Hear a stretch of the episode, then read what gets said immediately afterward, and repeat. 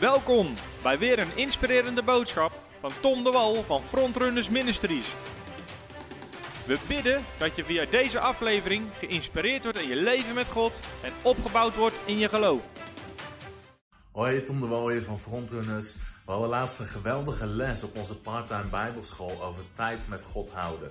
Hoe je dat doet en wat je kan doen in je tijd met God, zodat je een sterke christen wordt. En ik krijg ook best wel veel vragen in onze infomail en onze YouTube-video's. Hoe hou je nou tijd met God? Dus ik heb besloten om deze les van onze parttime bijbelschool gewoon gratis op YouTube te zetten. Als je nou veel meer van dit soort uh, onderwijs wil, lessen wil, jezelf wel dagelijks voeden met het woord van God en gewoon een goede bijbelschool wil volgen, maak een account op www.bijbelschool.tv. Volg onze parttime bijbelschool op je eigen tijd, in je eigen tempo. En ik beloof je, het zal je zegenen. Je geestelijke leven gaat tot bloei komen. Je gaat leren tijd met God te houden, de stem van God te verstaan. Begrijpen wat de Bijbel zegt, functioneren in de gaaf van de geest. Wandelen in je roeping. En al die dingen zal het je helpen. Dus veel zegen met deze gratis les. En uh, ik hoop echt dat het je zegent en bemoedigt. En uh, hopelijk kunnen we je ook verwelkomen als student op www.bijbelschool.tv. En vandaag gaan we het hebben uh, over tijd met God en intimiteit. En dit is zo'n fundamenteel onderwerp in je leven waar eigenlijk iedere christen in zou moeten wandelen. Maar waar ook, wat ik altijd heel belangrijk vind, is dat Paulus schrijft op een gegeven moment aan Timotheus. Zegt hij, volgens mij is het 1 Timotheus 2 vers 2 op mijn hoofd, zegt hij, joh, wat ik jou geleerd heb, leer dat weer anderen. God denkt altijd in vermenigvuldiging. Dus iets wat belangrijk is, is ook discipelschap. We zijn allemaal geroepen om weer anderen te discipelen. Dus wat jij hier leert op Bijbelschool, kan je weer doorgeven aan anderen. Als je buren tot geloof komen, nieuwe mensen in de kerk komen. Dat is Gods model van vermenigvuldiging. Daarom groeide de kerk van handelingen ook zo snel, want ze waren constant aan discipelen. Alles wat ze ontvingen, gaven ze weer door. En, en dat, is, uh, dat is iets waar we in, uh, gewoon in kunnen leren. Uh, om ook op die manier te luisteren. Dat um, sommige dingen weet je al misschien voor jezelf, maar kan je het goed uitleggen aan een ander? Dat is ook belangrijk. Kan je het goed uitleggen aan anderen? Kan je anderen ermee discipelen? Oké, vorige keer hebben we het gehad over uh, wie we zijn in Christus. Dat is een paar keer geleden. Toen, uh, ik ga weer even een heel mooi poppetje tekenen. Kijk, hoppakee. Zo.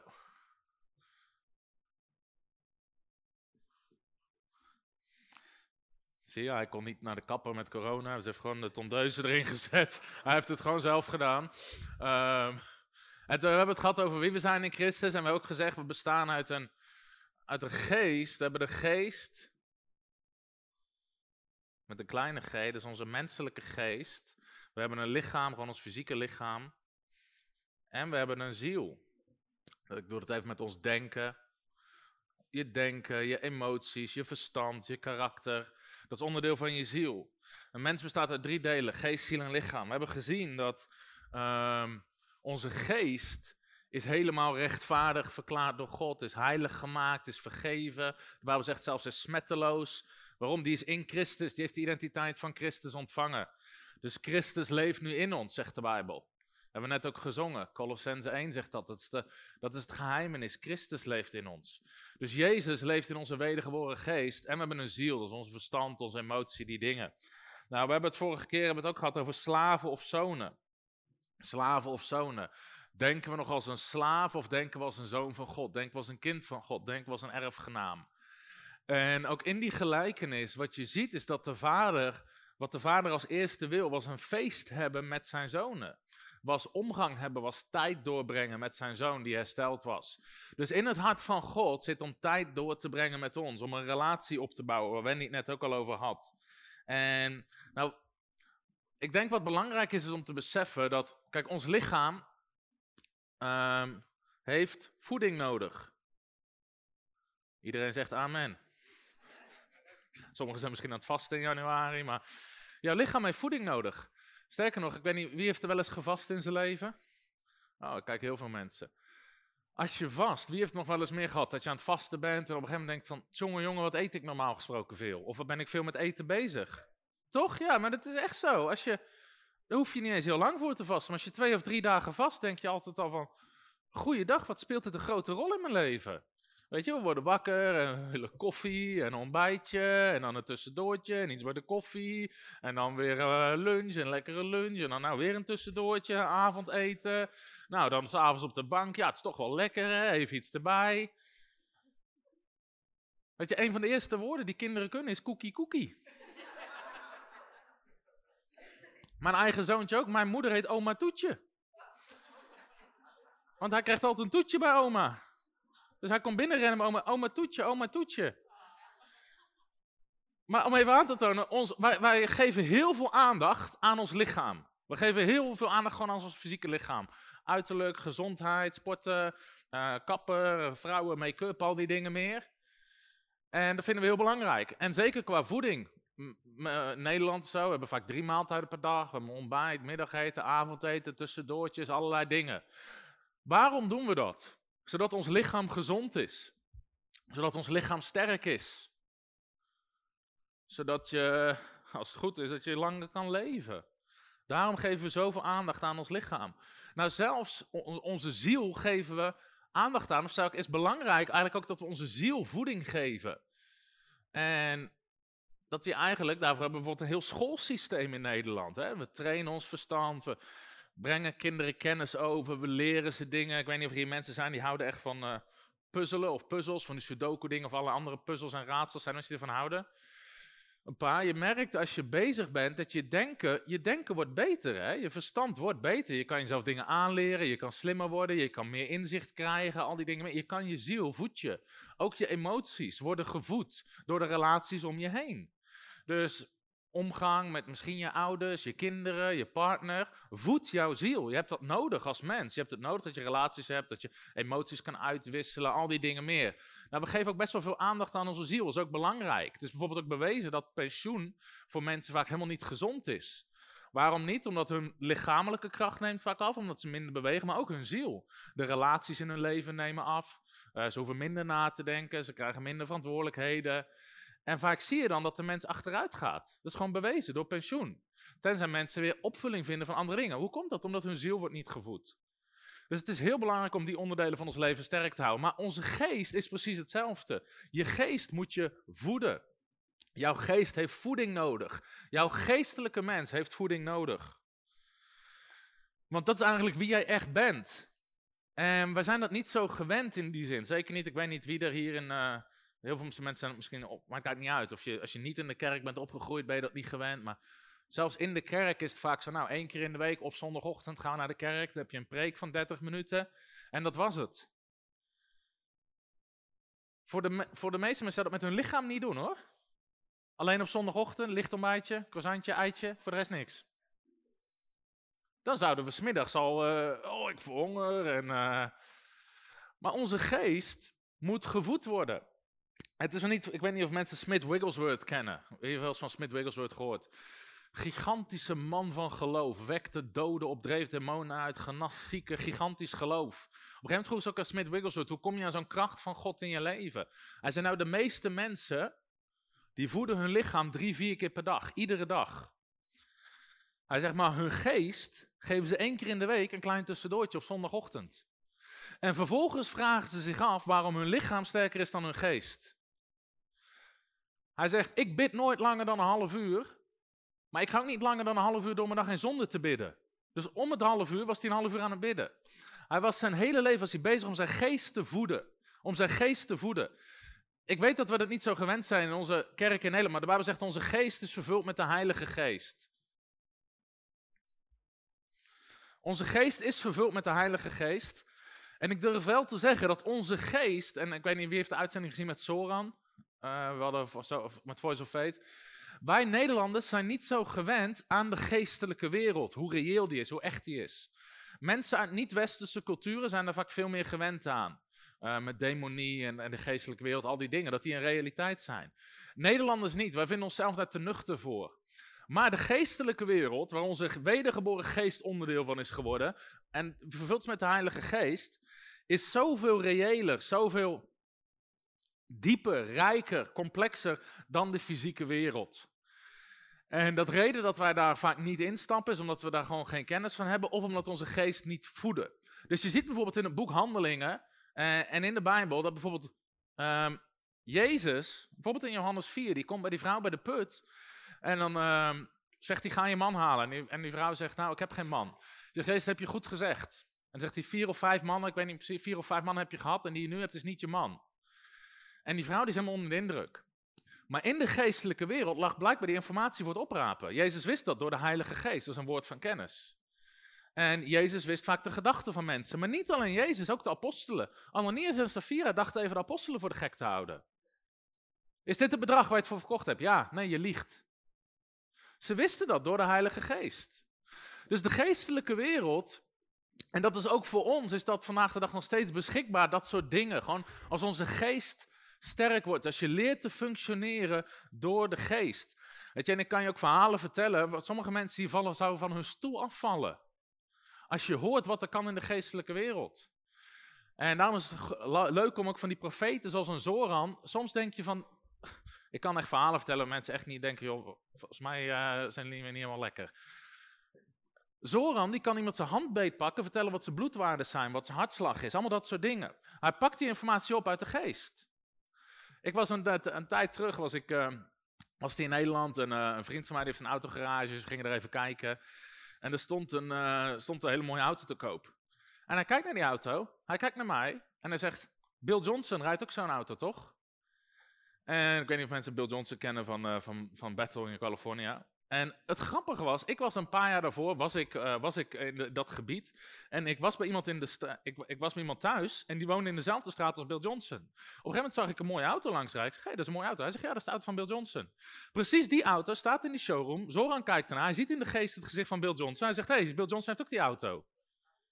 In de geest was die informatie daar. Wij zijn het helemaal niet gewend. Wij denken, hè? Hè? Maar de geest van God, de Bijbel zegt in 1 Korinthe 2, de geest van God kent alles, zelfs de diepte van God. Voor de geest zijn er geen verborgenheden, zijn er geen mysteries. Wij functioneren heel vaak vanuit hier, vanuit ons brein, vanuit ons denken, vanuit ons verstand. Alleen ons verstand gaat niet verder dan wat we weten, wat we kunnen zien. Daar, daar is ons verstand mee bezig. Maar de geest van God weet alle dingen. En we kunnen daar veel meer in leren wandelen.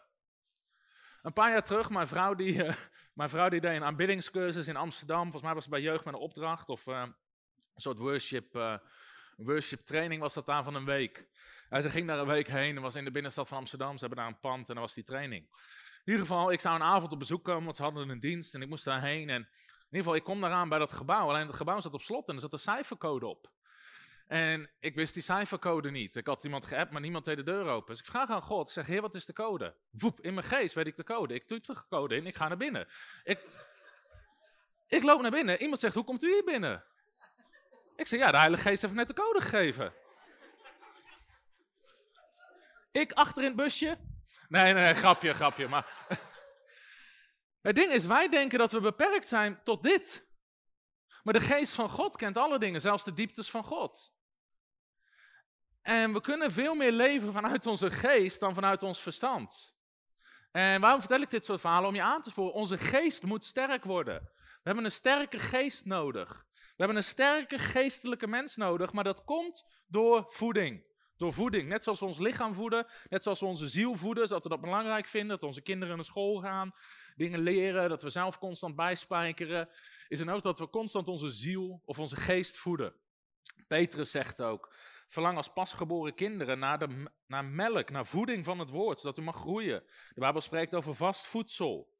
Dus we moeten eigenlijk onze geest ook op een dieet zetten in die zin. En niet een dieet van zo min mogelijk, maar goed voeden. Goed voeden. En, um, dus er zijn dingen die daarbij horen. Kijk, Jezus bijvoorbeeld, uh, Matthäus hoofdstuk 6. In Matthäus hoofdstuk 6 zegt Jezus drie dingen. Gaat Jezus vanuit dat iedere christen of iedere gelovige praktiseert. Maar ook drie dingen die de Joden doen. Wie weet wat ze zijn. Ja, dus Jezus zegt, wanneer je bidt, wanneer je vast, wanneer je geeft. Dus bidden, vasten en geven. Vrijgevigheid, geven. Jezus gaat ervan uit dat iedereen dat doet. Hij zegt, joh, wanneer je aan het bidden bent, trek je dan terug in je binnenkamer en de vader die in het verborgene ziet, zal je openbaar belonen voor, voor het feit dat je een sterk gebedsleven hebt, voor het feit dat je bidt. Hij zegt, wanneer je vast, weet je, doe het dan niet om door de mensen gezien te worden, weet je, ga niet zielig lopen doen of uh, nee, weet je, was je gezicht, ga gewoon douchen. Ik weet ook niet wat ze in die tijd dachten, maar um, want Jezus zegt, joh, als je dat doet, de Vader zal je ervoor belonen. En zelfs met geven, zelfs met geven. Jezus zegt, joh, heb een levensstijl van geven. Laat je linkerhand niet weten wat je rechterhand geeft. Laat het zo'n gewoonte worden. Je hoeft er niet mee te pochen. En de vader die het ziet in het verborgene zal je het openbaar belonen. Dus Jezus gaat er bijvoorbeeld vanuit dat zijn gewoon disciplines, christelijke disciplines. Een gebedsleven hebben, leren om te vasten, leren om te geven. Nou, heel veel van die dingen moeten wij weer leren. Moeten we echt leren omdat we dat niet zo gewend zijn. Misschien dat je bidden gewend bent vanuit je opvoeding, maar ik denk dat er weinig mensen zijn, in ieder geval ik, die vasten hebben meegekregen uit mijn opvoeding. Of in zijn opvoeding. Zijn er mensen die echt hebben leren vasten van hun ouders? Na carnaval, ja. en de avond daarvoor leerden ze wat anders, denk ik. Ik zie maar één hand. Nou, ik weet nog dat mijn ouders, ook lieve christelijke mensen, gingen naar de kerk. De eerste keer dat ik zei dat ik ging vasten, ze keken alsof ik dood zou gaan. Vasten? Ja, maar je, kan toch niet niks eten? En dat kan toch niet? En uh, ik dacht zelf de eerste keer ook dat ik dood zou gaan. maar ik heb het geleerd. Ik heb het geleerd. Weet je, de eerste keer, man, ik hield nog geen dag vol. Toen dacht ik al, dit kan niet de bedoeling zijn. Maar dan kom je erachter, wacht, wat is mijn ziel sterk? Dan begint die ziel binnen je. Wat ben je aan het doen? Ik dacht dat we vrienden waren. Maar als je leert vasten, kan je op een de knop omzetten. Kan je een week, twee weken, drie weken niks eten. Hoef niet eens honger te hebben. Omdat je een knop omzet in je geest. Hetzelfde met geven. Voor in mijn eigen situatie, we gingen naar de kerk als gezin en je kreeg dan iedere zondag kreeg je, kreeg je twee keer 50 cent. Nou, die eerste gooide je erin, die tweede deed alsof je erin gooide. En dan ging je de dag daarna naar de snoepwinkel. Nee, schrapje, schrapje. Um, maar geven, weet je wel, 50 cent, 2 euro, een collectebon in sommige kerken. Ik weet niet of dat het niveau van geven is wat God bedoelt. Want de Bijbel zegt, eer de Heer met je bezit. Dat woord eren is het woord taxeren. Je taxeert God met de manier waarop jij met je bezit omgaat. En als je 4 euro hebt, is 2 euro een hele grote gift. Maar de meeste mensen hebben veel meer. Maar die zitten nog van, nou, hier heb je 2 euro, hier heb je 5 euro. Zelfs over kerken vandaag de dag. Ik spreek in heel veel kerken en wordt er offer opgehaald. Ja, ja, als je nog wat uh, over, geld over hebt in je portemonnee voor de Heer. Of als je nog wat kleingeld mee hebt. Of als je iets kan missen. Nee, dat is nergens hoe de Bijbel spreekt over financiën. Altijd, als de Bijbel spreekt over financiën, heeft het te maken met God eren. God eren. God zegt in Malachi 1, als ik een heer ben, waar is dan de eer voor mij? Waarom? Jullie geven een blind schaap. Dus die mensen moesten een offer brengen aan God. Nou, er liep daar een schaap, bam, zo tegen een paal aan. Dachten ze, nou, die kennen we wel missen. Daar kennen we toch niks mee. Dus ze gaven dingen die ze makkelijk konden missen. Blinde schapen, manke koeien, weet ik veel. Wat, wat er nog meer bij zat. Een, uh, een geit in een rolstoel. En, nou, die kunnen we wel geven aan de Heer. En God zegt, joh, waar is mijn eer? Waar is mijn eer?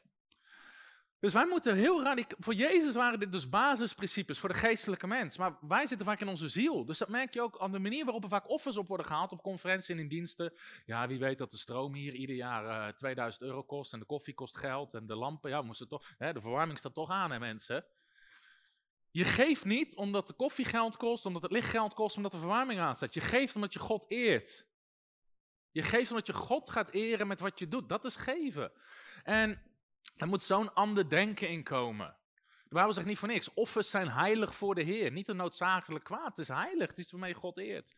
Maar dus dingen, disciplines, die iedere christen hoort te doen. Maar dat zijn dus dingen in onze geestelijke mens. Maar mijn punt is hiermee, dit moeten we leren. Dus we moeten weer leren om te functioneren in die dingen. Nou, los van je geestelijke mens sterk maken, iets wat we moeten, iets wat we gewoon ook wel begrijpen is, God is niet zozeer op zoek naar religie. Zie je door heel de Bijbel heen, ook in Jezaja, dat God zegt, ik spuug die samenkomst, jullie spuug ik uit. Ik walg ervan. Waarom? Omdat ze gingen wel netjes naar de samenkomst, maar hun hart was er helemaal niet bij. Ondertussen leefden ze heel de week in zonde. Nou, maar goed, het was toch weer de Sabbat, dus we gaan weer, bij wijze van spreken. En God zegt, joh, ik walg hiervan. Dit, zo hoeft het niet voor mij. Waar God altijd naar op zoek is, is relatie met de mens. Hij wil relatie aangaan. En in Genesis, God maakt de mens. Waarom maakte God de mens? Had God de mens nodig? Nee. God bestaat in zichzelf. God, heeft geen mens nodig. God heeft niks nodig om te bestaan, want God bestaat altijd al.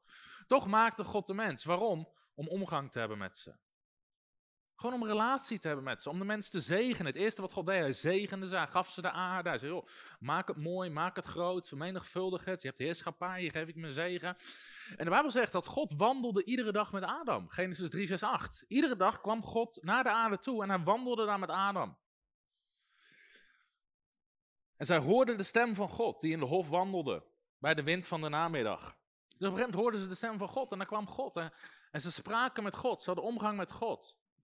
Ze konden God ontmoeten. Er was geen zonde in hun, ze konden God gewoon aankijken. Ze konden God ontmoeten.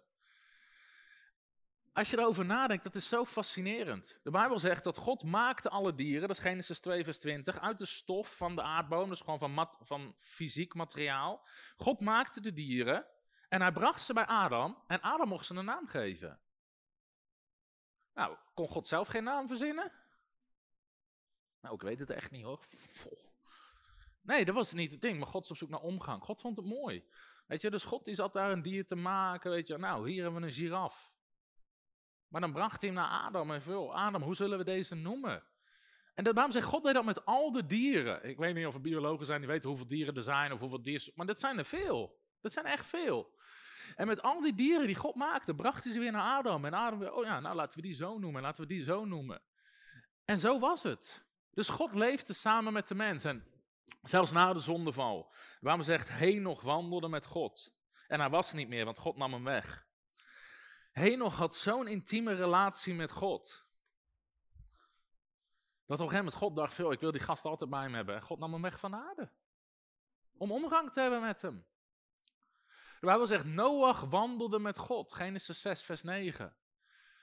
De hele aarde was bijna verdorven, maar Noach vond genade in de ogen van God, want Noach wandelde met God. Noach had een relatie met God, intieme relatie met God. Abraham was een vriend van God.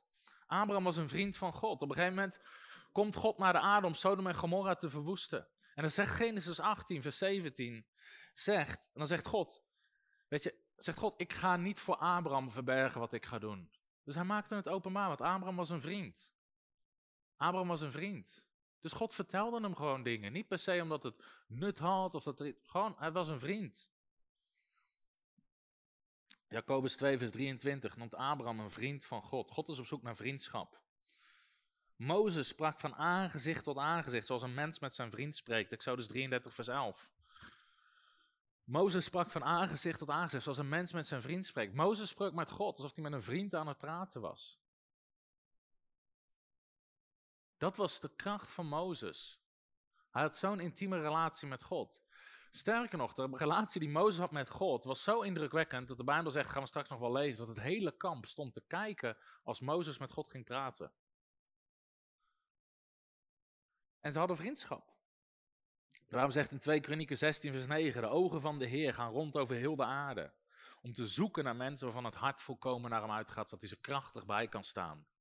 God is op zoek naar mensen om krachtig bij te staan. Hij is op zoek naar onze harten. God is een hartenjager. God zit achter je hart aan. Niet achter religie, niet achter een dienst, achter je hart. Hij wil vriendschap gewoon van dag tot dag met je hebben.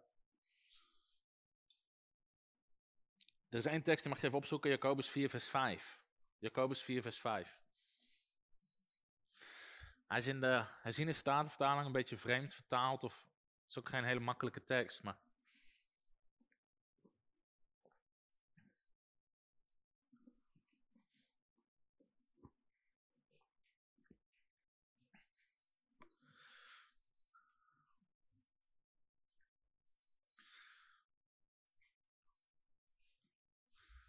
Jacobus 4, vers 5 en de, de MBV-vertaling zegt: Denk toch niet dat dit loze woorden zijn in de schrift. Hij die ons het leven gaf, maakt er vurige aanspraak op. Is er iemand die het boek heeft? Wat zegt het boek?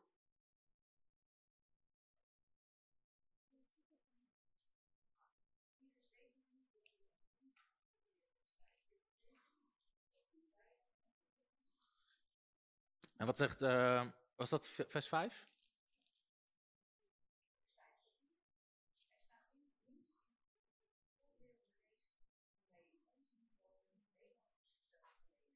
Ja, die is mooi vertaald. God wil de geest die hij in ons liet wonen helemaal voor zichzelf alleen hebben. God maakte de mens. God heeft zijn geest, God heeft een geest, een geestelijk in ons geplaatst. Een andere vertaling zegt, of denkt u dat het zonder reden is dat de schrift zegt dat God jaloers verlangt of jaloers hunkert naar de geest die hij in ons geplaatst heeft, die hij in ons, in zegt dat die in ons is. Dus de geestelijke mens, God hunkert met jaloezie om omgang te hebben met die geestelijke mens. Dat is iets wat wij niet zo goed kunnen begrijpen, maar God is een jaloers God.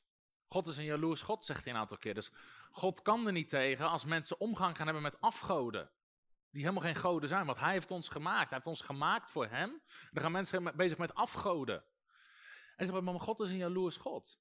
Dus waar God op uit is, is gewoon tijd, is vriendschap, is, is intimiteit met ons, ons hele leven.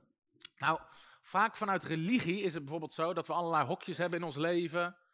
En we hebben een hokje sport, we hebben een hokje werk, we hebben een hokje familie, we hebben een hokje hobby uh, en we hebben een hokje kerk.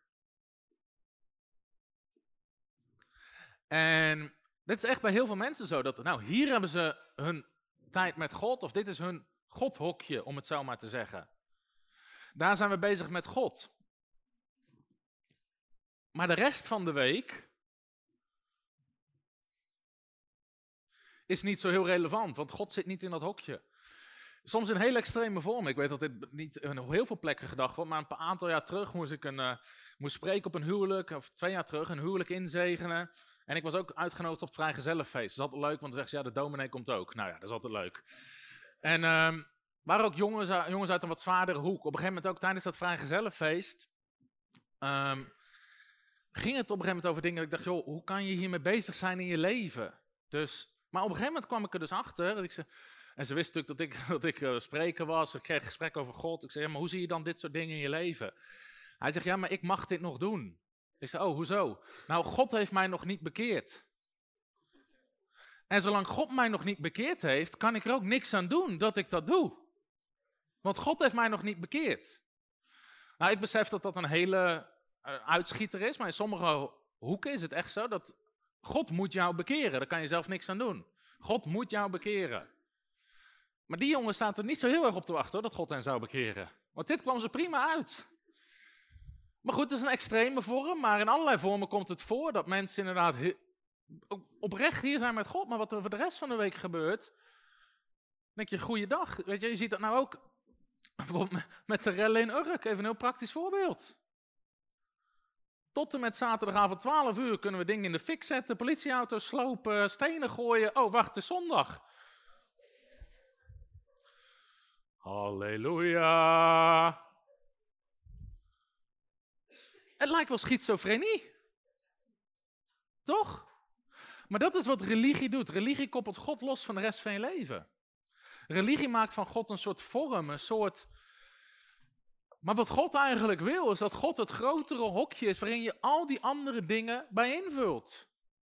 Dat je je gezin, je werk, je familie, je hobby's, dat God met al die dingen betrokken is. Dat je vriendschap hebt met God, niet alleen op zondagochtend, gewoon heel de dag door.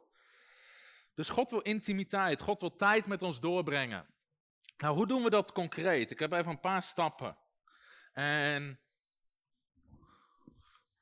de allereerste is creëer een tent van ontmoeting. Creëer een tent, daarmee bedoel ik een plaats van ontmoeting. Creëer een tent van ontmoeting.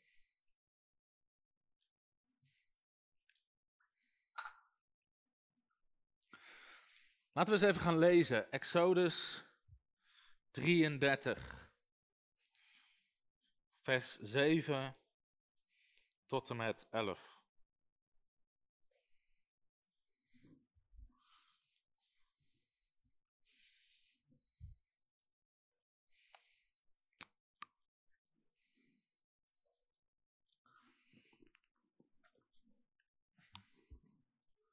Exodus 33, vers 7 tot en met 11.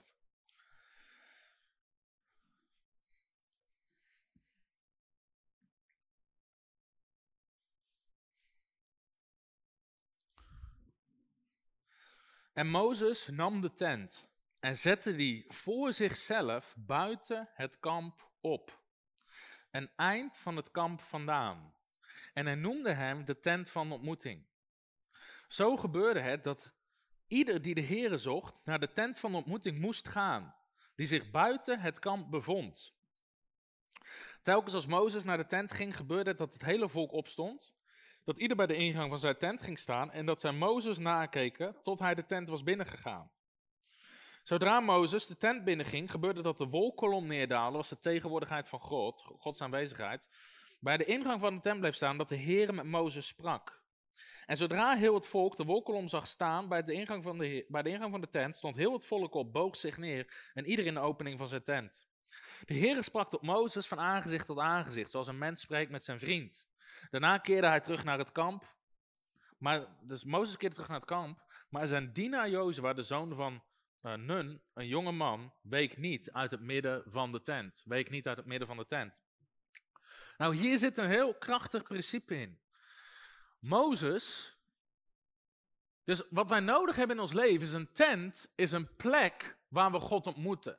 Is een plek, Jezus sprak over de binnenkamer. Gaan we zo meteen nog wel lezen. Een plek of de binnenkamer. Jij hebt nodig een plek die is tussen jou en God. Je hebt nodig in je leven een plek waar jij en God samenkomen. Een plek die voor jou heilig is, als het ware, om het zo maar te zeggen. Je hebt nodig een plek waar jij God kan ontmoeten. En Mozes, de Bijbel zegt dus, Mozes nam die tent en zette die voor zichzelf buiten het kamp op. En hij noemde hem een tent van ontmoeting. Mozes had een vaste plek waar hij naartoe ging als hij God wilde ontmoeten. Wat jij nodig hebt in je leven is een vaste plek waar je naartoe gaat als je God wil ontmoeten. Waarom? Waarom deed hij het buiten het kamp? Het was weg van alle onrust, weg van alle dagelijkse beslommeringen, weg van alle problemen van de dag. Ik heb heel vaak mensen horen zeggen: ja, maar ik heb geen tijd voor tijd met God. Want ik ben heel druk. nee, Mozes, die had niks te doen. Die was al met pensioen. Een miljoen mensen, hè? Een miljoen mensen. Op een gegeven moment komt zelfs de schoonvader die zegt, wat ben je aan het doen? Want hij was heel de dag aan het recht spreken. Een miljoen mensen, allerlei problemen, rechtszaken, ruzies. Dan, dan, ging die, dan ging die wolk weer verder, moesten ze weer oppakken. Dan zaten ze weer te zeuren over water, eten, dit, dat. Hij moest recht spreken. Heel de dag was hij daarmee bezig. Totdat zijn schoonvader hem, Jethro, hem corrigeren. En zeggen, joh, je moet dingen uitbesteden, delegeren. Mozes was de drukste man ter aarde. Die had een kerk van een miljoen mensen. De meeste voorgangers met een kerk van 50 mensen zitten op het randje van overspannen. Maar Mozes, die had er een miljoen. En toch, met al die drukte, al die verantwoordelijkheid, had hij een tent waar hij God ontmoette. Dat heb je nodig. Hoe drukker je bent, hoe harder je het nodig hebt.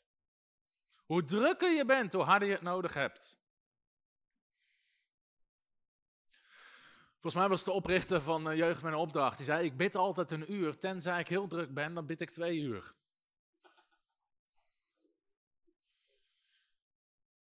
Hoe drukker we zijn, hoe meer God ons toevertrouwt, hoe meer verantwoordelijkheid we hebben gekregen, hoe meer we het nodig hebben om afhankelijk te blijven van Hem. Dus Mozes had een plek buiten het kamp. Buiten het kamp. En daar had hij ontmoetingen met God. Daar had hij... Dus wat wij ook nodig hebben in ons leven is gewoon een plek waar je naartoe kan gaan. Jezus, Matthäus hoofdstuk 6, vers 6. Jezus zegt, die mag je trouwens gewoon even opzoeken. Matthäus 6, vers 6.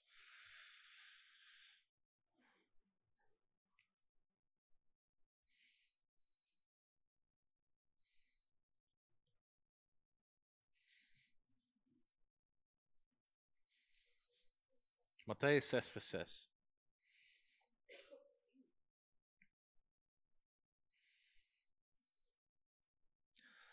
Maar u, wanneer u bidt, wanneer u bidt, ga in uw binnenkamer. Sluit de deur en bid tot de Vader, die in het verborgen is. En uw Vader die in het verborgene ziet, zal u in het openbaar vergelden.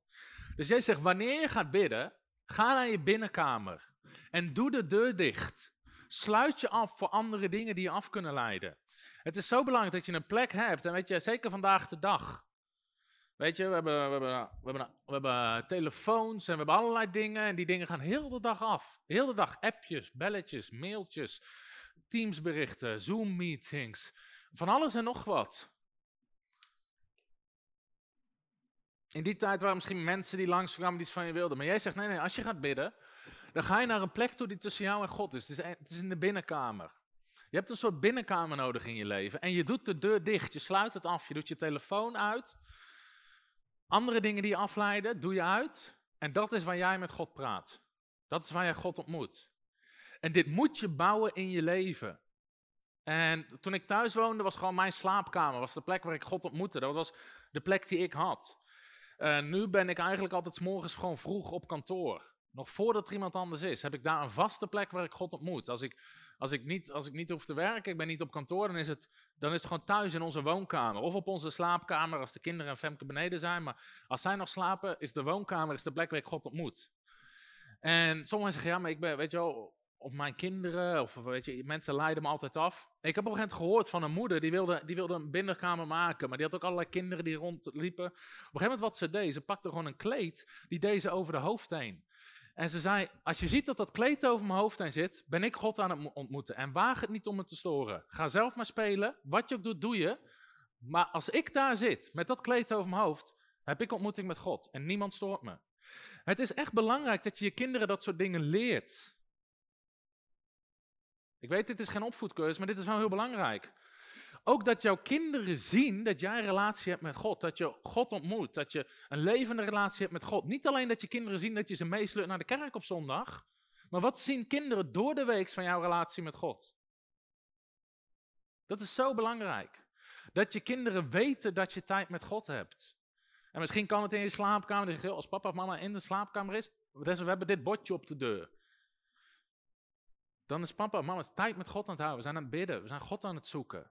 En dan wordt er niet gestoord. En je, je kan je zelfs je kinderen daarmee meenemen als ze wat ouder zijn. Die zeggen van, joh, we gaan nu samen tijd met God. Hier heb je, hier heb je een Bijbel. We zetten muziek aan. En misschien als de jongen zegt, over een kwartier zien we elkaar weer. En dan bespreken we wat hebben we geleerd, of wat hebben we ontvangen, of wat heeft God tot je gezegd.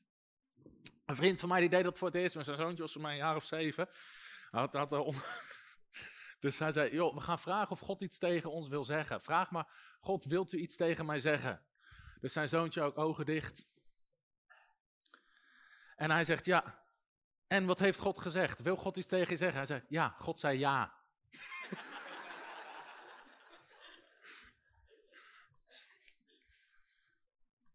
maar goed, het begint ergens. Het begint ergens.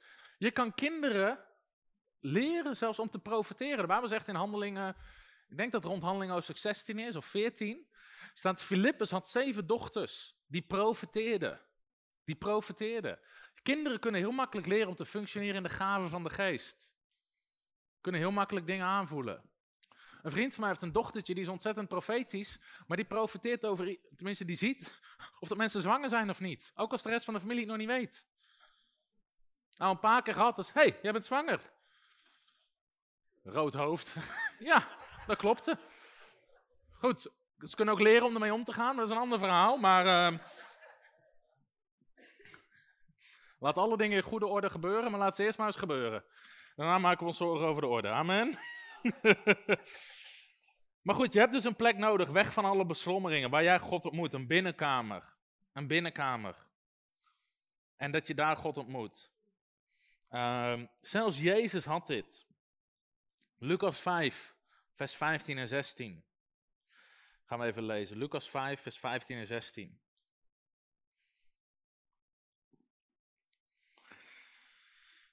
Dit is ook een hele goede tekst voor iedereen die misschien een taak heeft in de kerk, een functie heeft in de kerk, in pastoraat zit, oudste is, misschien voorganger wordt, of wat je ook krijgt van God om te doen in zijn lichaam. Er staat dit. Het gerucht over hem verspreidde zich echter des te meer. En dat was het gerucht dat er wonderen en tekenen gebeurden. En een grote menigte kwam bijeen om hem te horen en door hem genezen te worden van hun ziekte. Maar hij vertrok naar de woestijnen en hij bad daar. Hij vertrok. Dit is een hele grote les voor ieder van ons. Er is altijd nood. Er is altijd nood. Vinden sommige mensen lastig, ook als je een, een, functie krijgt in de bediening of in pastoraat, in de gemeente of wat dan ook. Er is altijd nood. Er zijn altijd mensen die hulp nodig hebben. Er zijn altijd mensen die gebed nodig hebben. Er zijn altijd mensen die counseling nodig hebben. Maar er is gewoon een moment, je moet zeggen, joh, dit is mijn tijd met God. En zelfs niet eens de tijd met God, maar dit is mijn tijd. Mijn tijd met mijn gezin, bij wijze van spreken. Een vriend van mij is voorganger. Ik weet, we zouden een keer naar het strand gaan. Op een gegeven moment werd, uh, hij werd gebeld. Iemand zei, ja, ik heb nu counseling nodig, want het gaat helemaal mis. En zelfmoord en dit soort dingen. Hij zegt, joh, hoe lang heb je het probleem al? Ja, ja, al een jaar. Oké, ik kan nog prima een dag wachten. Ik zie je morgen om negen uur op kantoor. En dat is wijsheid. En dat is wijsheid. Want mensen lopen een jaar lang met hun probleem. Ze komen niet naar de samenkomst, ze komen niet naar de bidstonden, ze komen niet naar de bijbelschool. Maar ik heb nu een probleem en ik heb nu hulp nodig. Op zaterdagmorgen om tien uur, als je tijd hebt met je gezin, bij wijze van spreken. Je moet op een gegeven moment leren van, joh, er is een grens. Zelfs Jezus had een grens. Iedereen kwam om van hun ziekte genezen te worden. En op een gegeven moment, Jezus brak die genezingsdienst af. Jezus had een groot hart voor zieken genezen, lezen we vaak. Jezus genas duizenden ziekten. Maar er waren tijden dat Jezus de genezingsdiensten afbrak. Een ander verhaal is in Matthäus hoofdstuk 5, waarin al die mensen kwamen, maar Jezus klom de berg op en hij begon onderwijs te geven begint hij de bergreden te geven. Blijkbaar was het even tijd voor de mensen om gewoon onderwijs te krijgen. Niet alleen maar bediend te worden. Dus er zijn tijden voor verschillende dingen. Maar er is ook een tijd, hoe groot de nood ook is. Als je in pastoraat zit, mensen blijven je bellen. Mensen blijven je appen. Mensen willen weer een gesprek. Of nu, ik heb nu hulp nodig. Maar er komt er gewoon een moment en zegt, joh, dit is de grens. Ik heb nu zelf tijd met God. Ik heb nu zelf, weet je wel, en dat, dat is zo belangrijk. Er is altijd nood. Maar we moeten leren, ook om daar goed mee om te gaan. Want waar je je kracht vandaan haalt om te bedienen in die nood, is uit je tijd met God. Als je jezelf helemaal leeg geeft, kan je niks meer geven aan die mensen. Als je in het vliegtuig zit en op een gegeven moment geven ze die instructies, zeggen ze altijd van, joh, als er iets misgaat, komen de zuurstofmaskers uit het dak vallen. Dan staat er altijd, geef het eerst aan jezelf, dan aan je kinderen. Als ouder denk je, nee, nee, nee, als er iets gebeurt, ik wil als eerste mijn kinderen.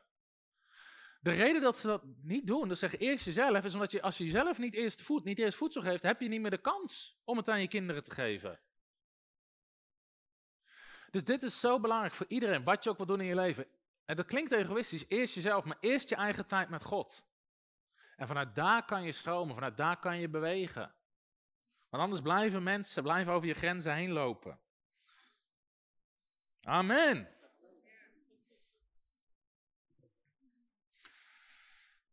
Matthäus 14 staat hetzelfde.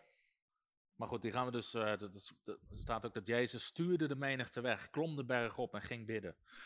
Dus Jezus had een plek, ook al was hij op reis, dan was het blijkbaar in de woestijn of op de berg. Maar een plek waar hij met God samen was. Dus weet je, als Jezus het kon doen in de woestijn, kunnen wij het ook wel een plekje vinden. Amen. Oké, wat je daarnaast nodig hebt, is gewoon tijd. En bij voorkeur een vaste tijd. Een vaste tijd.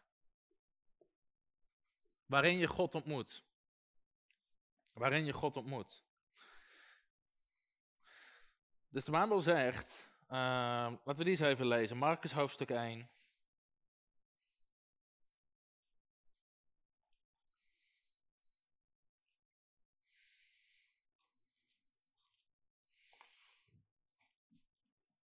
Vanaf vers 32.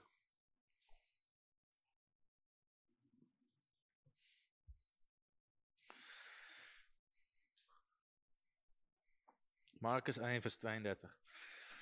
Toen het nu avond geworden was en de zon onderging, brachten ze bij hem allen die er slecht aan toe waren en die door demonen bezeten waren. Zie gigantische nood weer.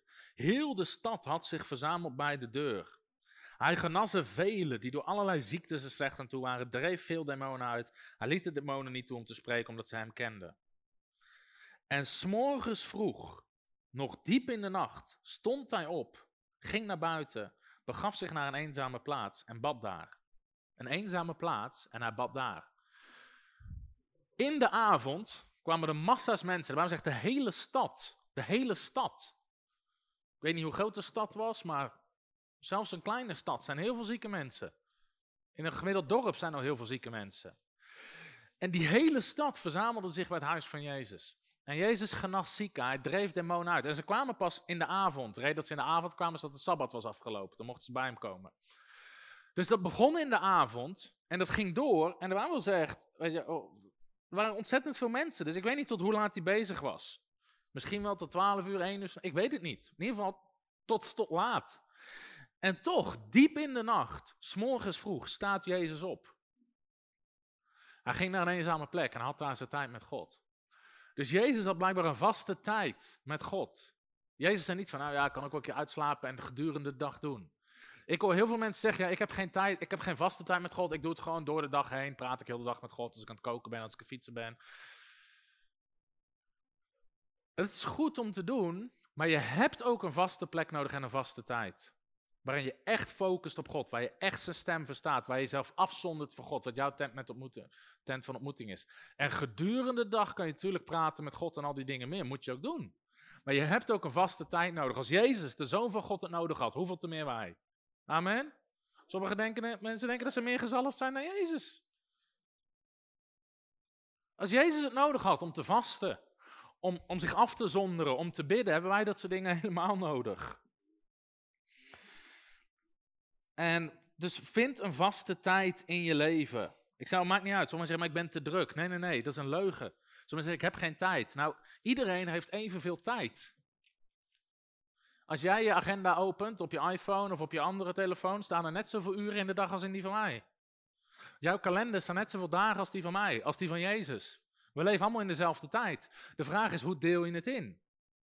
De vraag gaat niet om tijd, de vraag gaat om prioriteit. Dat is waar het om gaat. Het gaat niet om tijd, het gaat om prioriteit.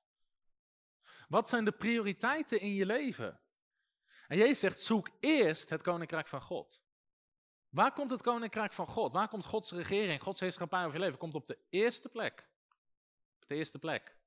Dus je hebt vaste tijd nodig. En ik wil iedereen aanraden om het s'morgens vroeg te doen.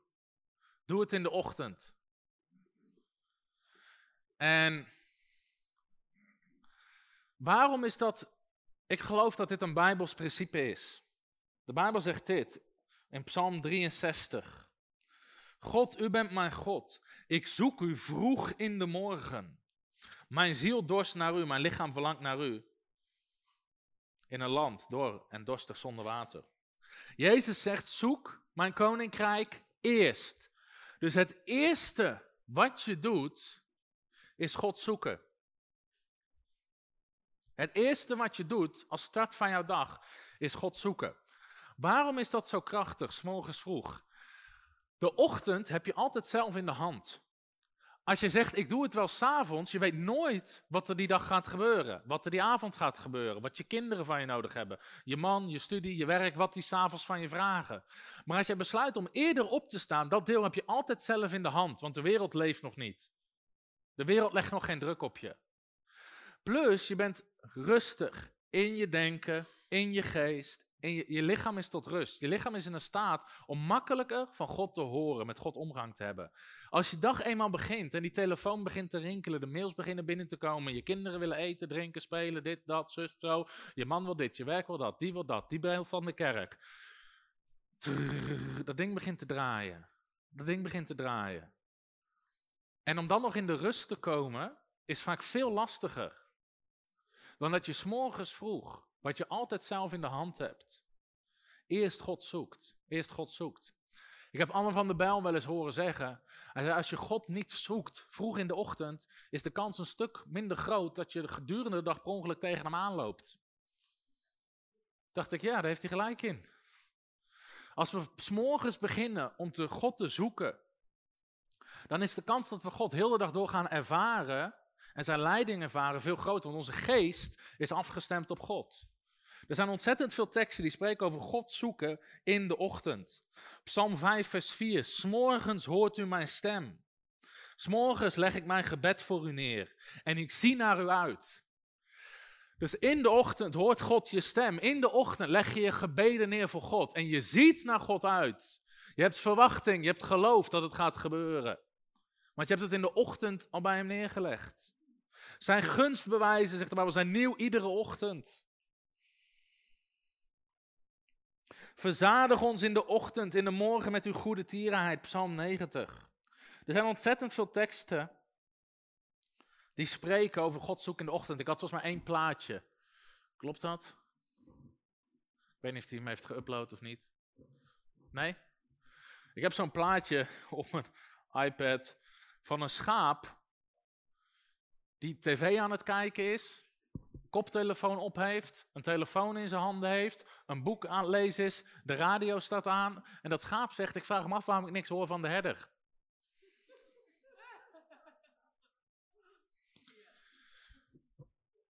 Heel veel christenen zeggen, ik heb moeite om de stem van God te verstaan. Nou, dat kan best wel komen door de ritme waarin je dag zich bevindt. Als je tijdens het koken de kinderen aan het eten geven bent, aan het corrigeren bent, je telefoon gaat, dit gebeurt, dat gebeurt. Heer, wilt u nog wat zeggen? Dat werkt niet. Ik weet, mijn eigen vrouw, was mijn meer vrouw ook. Mijn vrouw kan er ook niet zo goed tegen als ik dingen doe terwijl ze tegen me praat. Meer mannen, amen. Vrouwen, amen. Vrouwen lijken wat dat opzicht echt op God. Weet je, die willen, wat, wat in jou is, moet alleen maar voor hun zijn. Amen.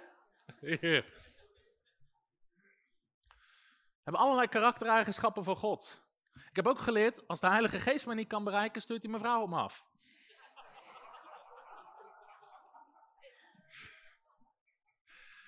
Daar heb je geen moeite mee hoor, om die te verstaan.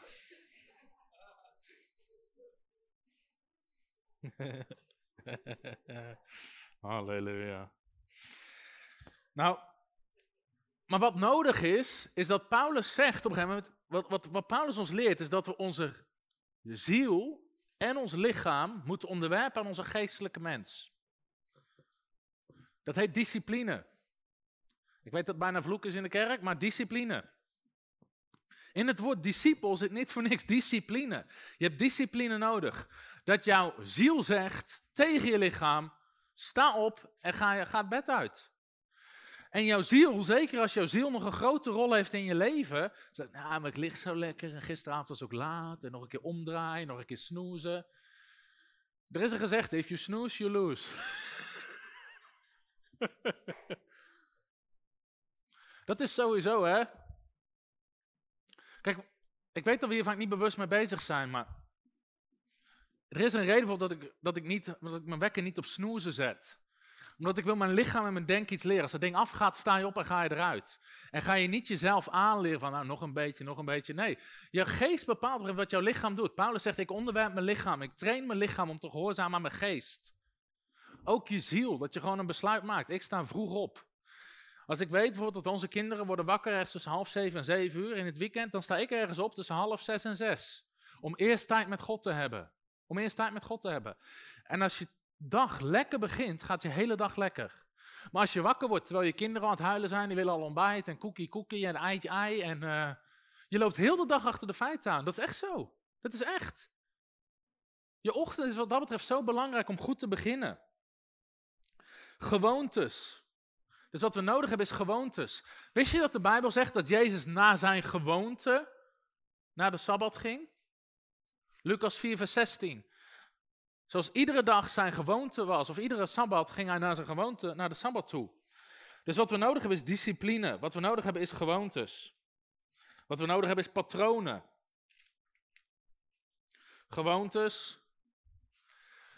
95% van wat wij doen, gewoon 95% van wat wij doen, bestaat uit gewoontes. Bestaat uit gewoontes. Wij programmeren ons leven. Ik weet niet of je, ik weet niet of er computerprogrammeurs zijn, mensen misschien apps bouwen of websites bouwen, maar zo'n ding programmeer je. En hoe je dat ding programmeert, is die volgens hoe die het doet. Nou, 95% van ons leven is gewoontes. Dus als ik jou vraag, hoe ben je hier vanmorgen heen gereden? Nou, een heel groot ding is gewoon gewoontes. Dus um, bijvoorbeeld schakelen in je auto, denk je niet elke keer bij na. Je hebt jezelf een keer die gewoonte aangeleerd, hoe dat moet. Je richtingaanwijzer, tenzij een BMW rijdt, dan, dan, dan niet meestal, maar um, weet je, heel veel dingen. Naar links, naar rechts. Het is niet zo dat we daar heel intensief mee bezig zijn. Naar links kijken, naar rechts kijken. Alle regels van het verkeer hebben een gewoonte gemaakt in ons leven. En dus heel groot deel, op het moment dat jij wakker wordt, heb je een gewoonte. Dat is snoezen of niet. Dat is een gewoonte wat je zelf hebt aangeleerd. Dat is wanneer je jezelf aankleedt, wanneer je jezelf uh, opfrist, hoe je je ontbijt maakt, hoe je je koffie maakt. Bijna alles is automatisme in ons leven. Heel veel is automatisme, omdat we onszelf gewoontes aanleren. 95% van ons leven zijn gewoontes. Dat betekent als we onze gewoontes kunnen vormen, kunnen we ons leven vormen. Onze gewoontes vormen ons leven. Die vormen ons leven. Dus als jij jezelf nieuwe gewoontes aan moet leren, is het eigenlijk alsof je een beetje zo'n programma, computerprogramma aan het herschrijven bent. Dat is niet altijd makkelijk, totdat het erin geprogrammeerd zit. Totdat het erin geprogrammeerd zit, want dan wordt het een automatisme. Ik weet niet of er mensen zijn hier die. Uh, uh, zijn er mensen hier die hebben vechtsporten gedaan in hun leven? Een aantal. Wat heb je gedaan? Karate, jitsu. Zijn mensen hebben gebokst of zo, boksen, kickboksen en ook een aantal. En dat is met heel veel andere sporten ook. Ik heb zelf ook allerlei vechtsporten gedaan. Maar op een gegeven moment, training na training, moet je constant hetzelfde doen. Links, rechts, hoek, links, rechts, hoek. Op een gegeven moment heb je dat ding 10.000 keer gedaan. En nou, dan ga je weer naar de training. Wat gaan we doen? Links, rechts, hoek.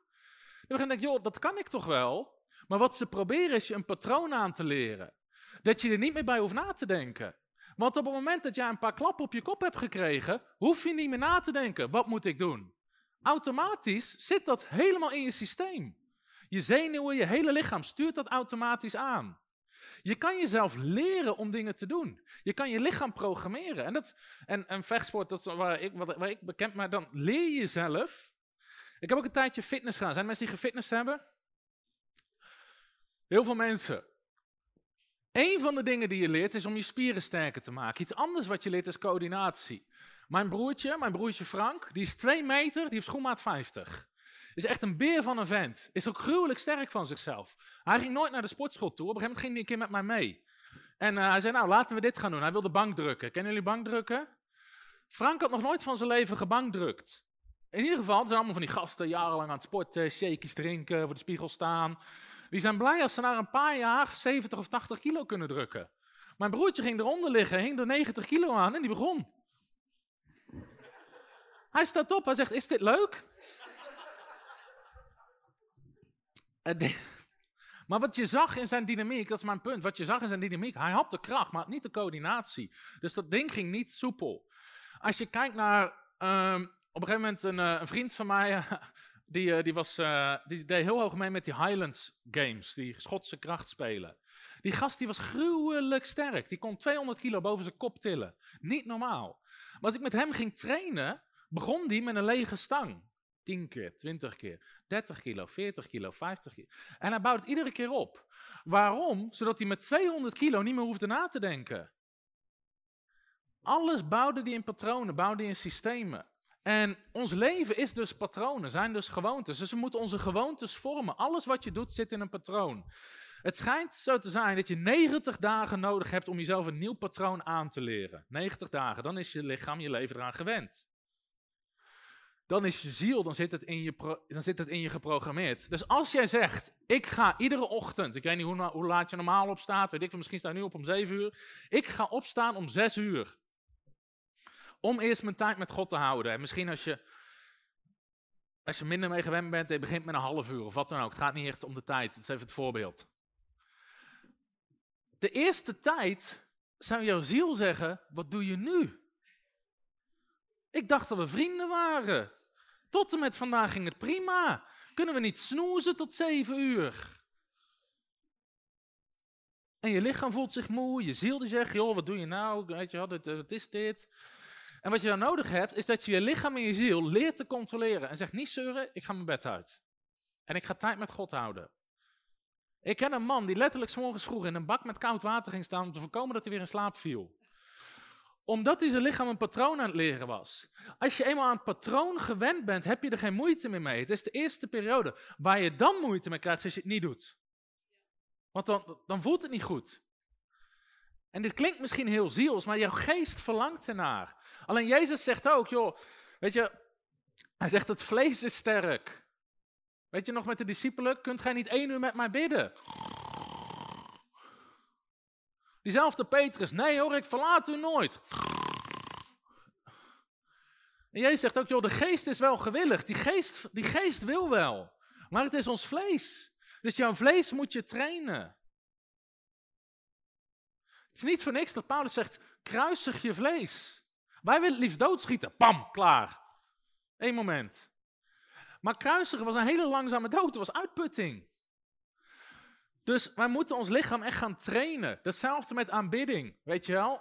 Voor het eerst, ik weet nog voor het eerst dat ik in een, een beetje een evangelische charismatische kerk kwam. Ik dacht, al die mensen zijn knettergek. Ze staan met hun handen in de lucht en weet ik veel wat ze allemaal aan het doen zijn. Totdat je erachter komt, wacht eens, dat is een Bijbels principe. De Heer aanbidden, hef je handen op, strek je handen uit, hef heilige handen op, kniel neer voor de Heer, aanbidden met alles wat je hebt. Bijbels principes. Dan moet, jouw geest wil dat wel, die wil God ontmoeten. Dan moet je zeggen, dan moet je ziel tegen je lichaam gaan zeggen, oké. En de eerste keer denk je,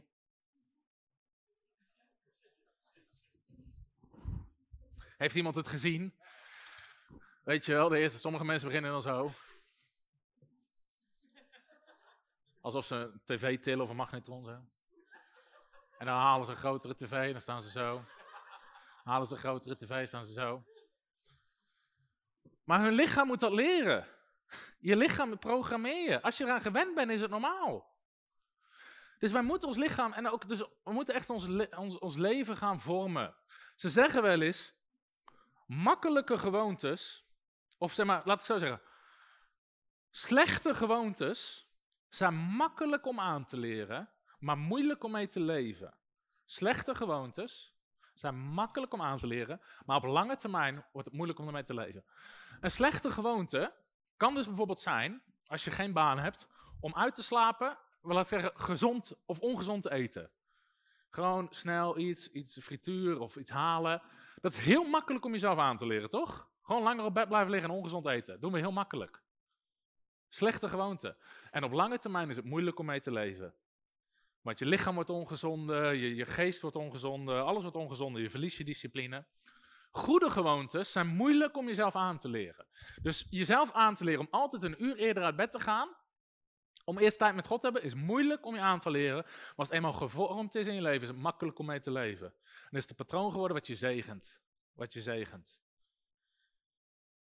Dus wat we nodig hebben is niet alleen de principes, we hebben nodig de discipline om het te doen. Dat je zegt, dit is, hoe, dit is wat ik doe, dit is hoe ik leef. Daarom is het zo belangrijk dat we leren om patronen te vormen. Discipline zegt nee tegen excuses. Discipline zegt nee tegen excuses. We zijn heel goed erin om altijd excuses te verzinnen. We zijn heel goed in om excuses te verzinnen. Ach ja, het is voor één keer. Ach ja, het is voor alleen deze week. Ach ja, het was gisteren ook laat. Ach ja, ik ben ook moe. Ach ja, ik heb ook hard gewerkt. Ach ja, ach ja, ach ja, ach ja, ach ja, ach ja, ach ja. We kunnen honderden excuses verzinnen. Maar discipline verzint geen excuses. Er zijn altijd excuses om iets niet te doen, maar discipline doet het altijd wel. En dat is echt jezelf leren. Sommige mensen zijn wat dat betreft, zitten niet hier in de zaal hoor. Dat zijn waarschijnlijk mensen die het achteraf ooit een keer terugkijken. Maar sommige mensen hebben echt geen discipline geleerd. Ze leven het makkelijke leven. Ja, ik moet eigenlijk ergens zijn. Ik heb geen auto, wel een fiets, maar het regent, dus ik kan niet komen. Wist je dat je niet smelt? Wist je dat je kleding weer opdroogt? Wist je dat je fiets gewoon door de regen heen kan? Dat is gewoon een keuze maken. Als ik een afspraak heb, ben ik er en ben ik er op tijd. Het kan een patroon zijn in mensen hun leven om altijd 10 of 15 minuten te laat te komen. Dat zijn patronen die gevormd zijn. Maar op een gegeven moment zegt discipline nee. Nee, weet je, dit is, ik leef niet langer met excuses. Want dat is het ding, dan ga je leven naar je gevoel. En we moeten niet leven naar gevoel, we moeten leven naar de vrucht van de geest. Die in ons is geplaatst. De apostel Paulus, deed, weet je, gevoel heeft een plek in je leven, je ziel, alleen het zit niet achter de bestuurderskant. Het zit op de achterbank. Heeft een plek in de auto, maar het bestuurt niet je leven. De apostel Paulus werd gestenigd. En de Bijbel zegt, hij stond op en liep terug dezelfde stad in. En hij predikte het evangelie. Paulus wandelde helemaal niet naar zijn gevoel. Hij had geleerd om dat te onderwerpen aan wat de geest van God wilde.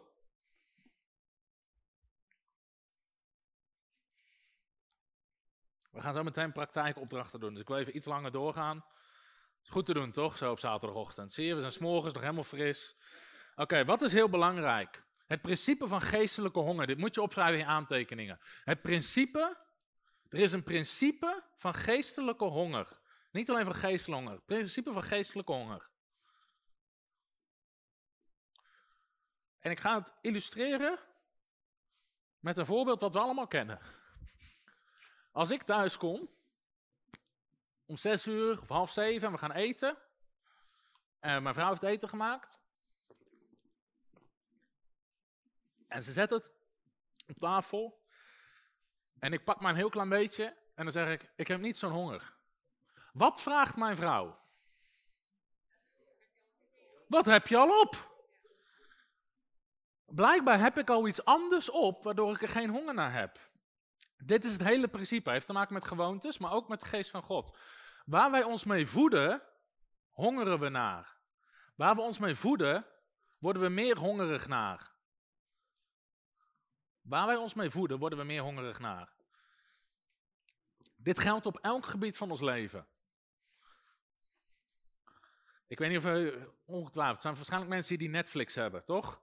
Of Prime Video of uh, Videoland of zo. Wie heeft er allemaal op een streamingdienst een, een abonnement? On-demand video. Ik heb op een gegeven moment besloten in mijn leven, ik kijk geen series meer. Ik begin er gewoon niet aan. Waarom niet? Op het moment dat je een serie gaat kijken, word je hongerig naar meer. Je wil de volgende zien, de volgende zien, de volgende zien, de volgende zien, de volgende zien. Nou, tegenwoordig hebben ze 38 seizoenen met 44 afleveringen. Maar iedere keer wil je meer. waarom? Je hebt jezelf ermee gevoed en nou wil je er meer van. Dus ik heb het gewoon besloten. Ik heb er ook niet heel veel gezien. Ik heb er, ik heb er een paar gezien. En ik dacht, joh, dit doe ik gewoon niet meer. Want je zegt wel van tevoren, nou, ik kijk vanavond maar één aflevering. Drie uur s'nachts, ik moet weten hoe dit afloopt. Waar jij jezelf mee voedt, word je hongerig naar. Dat is met alles. Als je jezelf. Weet niet, zijn er mensen die echt, echt, zeg maar, echt heel serieus zijn met, gezond eten? Het zijn een aantal mensen die echt met gezond eten. Op een gegeven moment, als je jezelf inzet om gezond te eten, heb je minder honger naar fastfood, toch? Want je leert jezelf aan om allemaal dingen te eten die normaal konijnen eten. En grapje, grapje. Even serieus. Als je... Hoe praat ik me hier weer uit? Ehm, maar de Bijbel zegt dat als je gezegend bent, eet je het vette van het land. Amen. Nee, grapje. Um, kijk.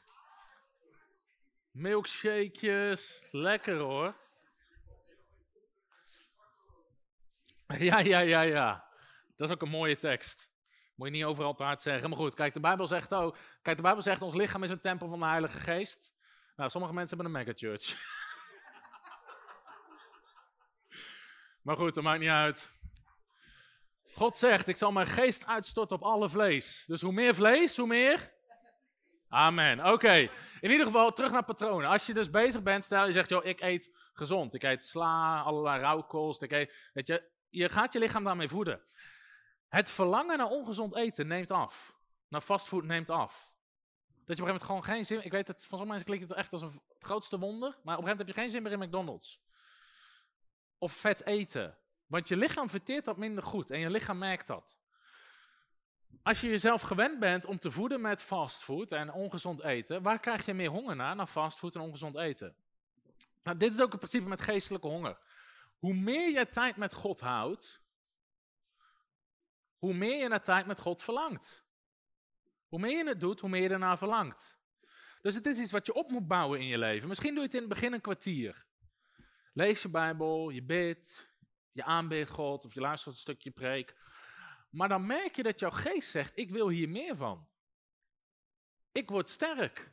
Ik krijg voeding.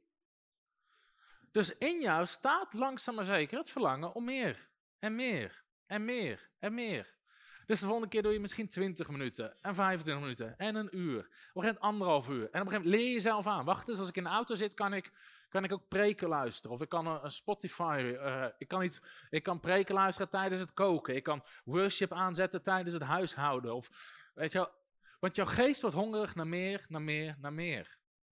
Hoe meer jij je voedt met de dingen van God, hoe meer honger je ernaar krijgt. En dat is zo mooi. Dus je kan het jezelf aanleren. Dat is het principe van geestelijke honger.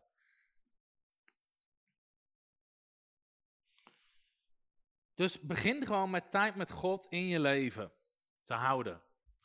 En je gaat merken dat jouw geest wil altijd meer. Dus op een gegeven moment, zeker als je leert om in de tegenwoordigheid van God te zijn, jouw lichaam ervaart de tegenwoordigheid van God, ervaart rust, en je hoort de stem van God, dan denk je, wauw, dit wil ik nog een keer. Dit wil ik nog een keer. Dat is een goed ding om aan verslaafd te zijn aan de tegenwoordigheid van God. Nummer drie, wat we nodig hebben, we hebben een tent nodig, een tijd. De derde heeft helaas geen thee. Misschien weet iemand wel een thee. Een dieet, voedsel. Wie weet er een woord met een thee wat met voedsel te maken heeft? Hoe? T-bone steak. Juist, halleluja. Kijk. T-bone steak.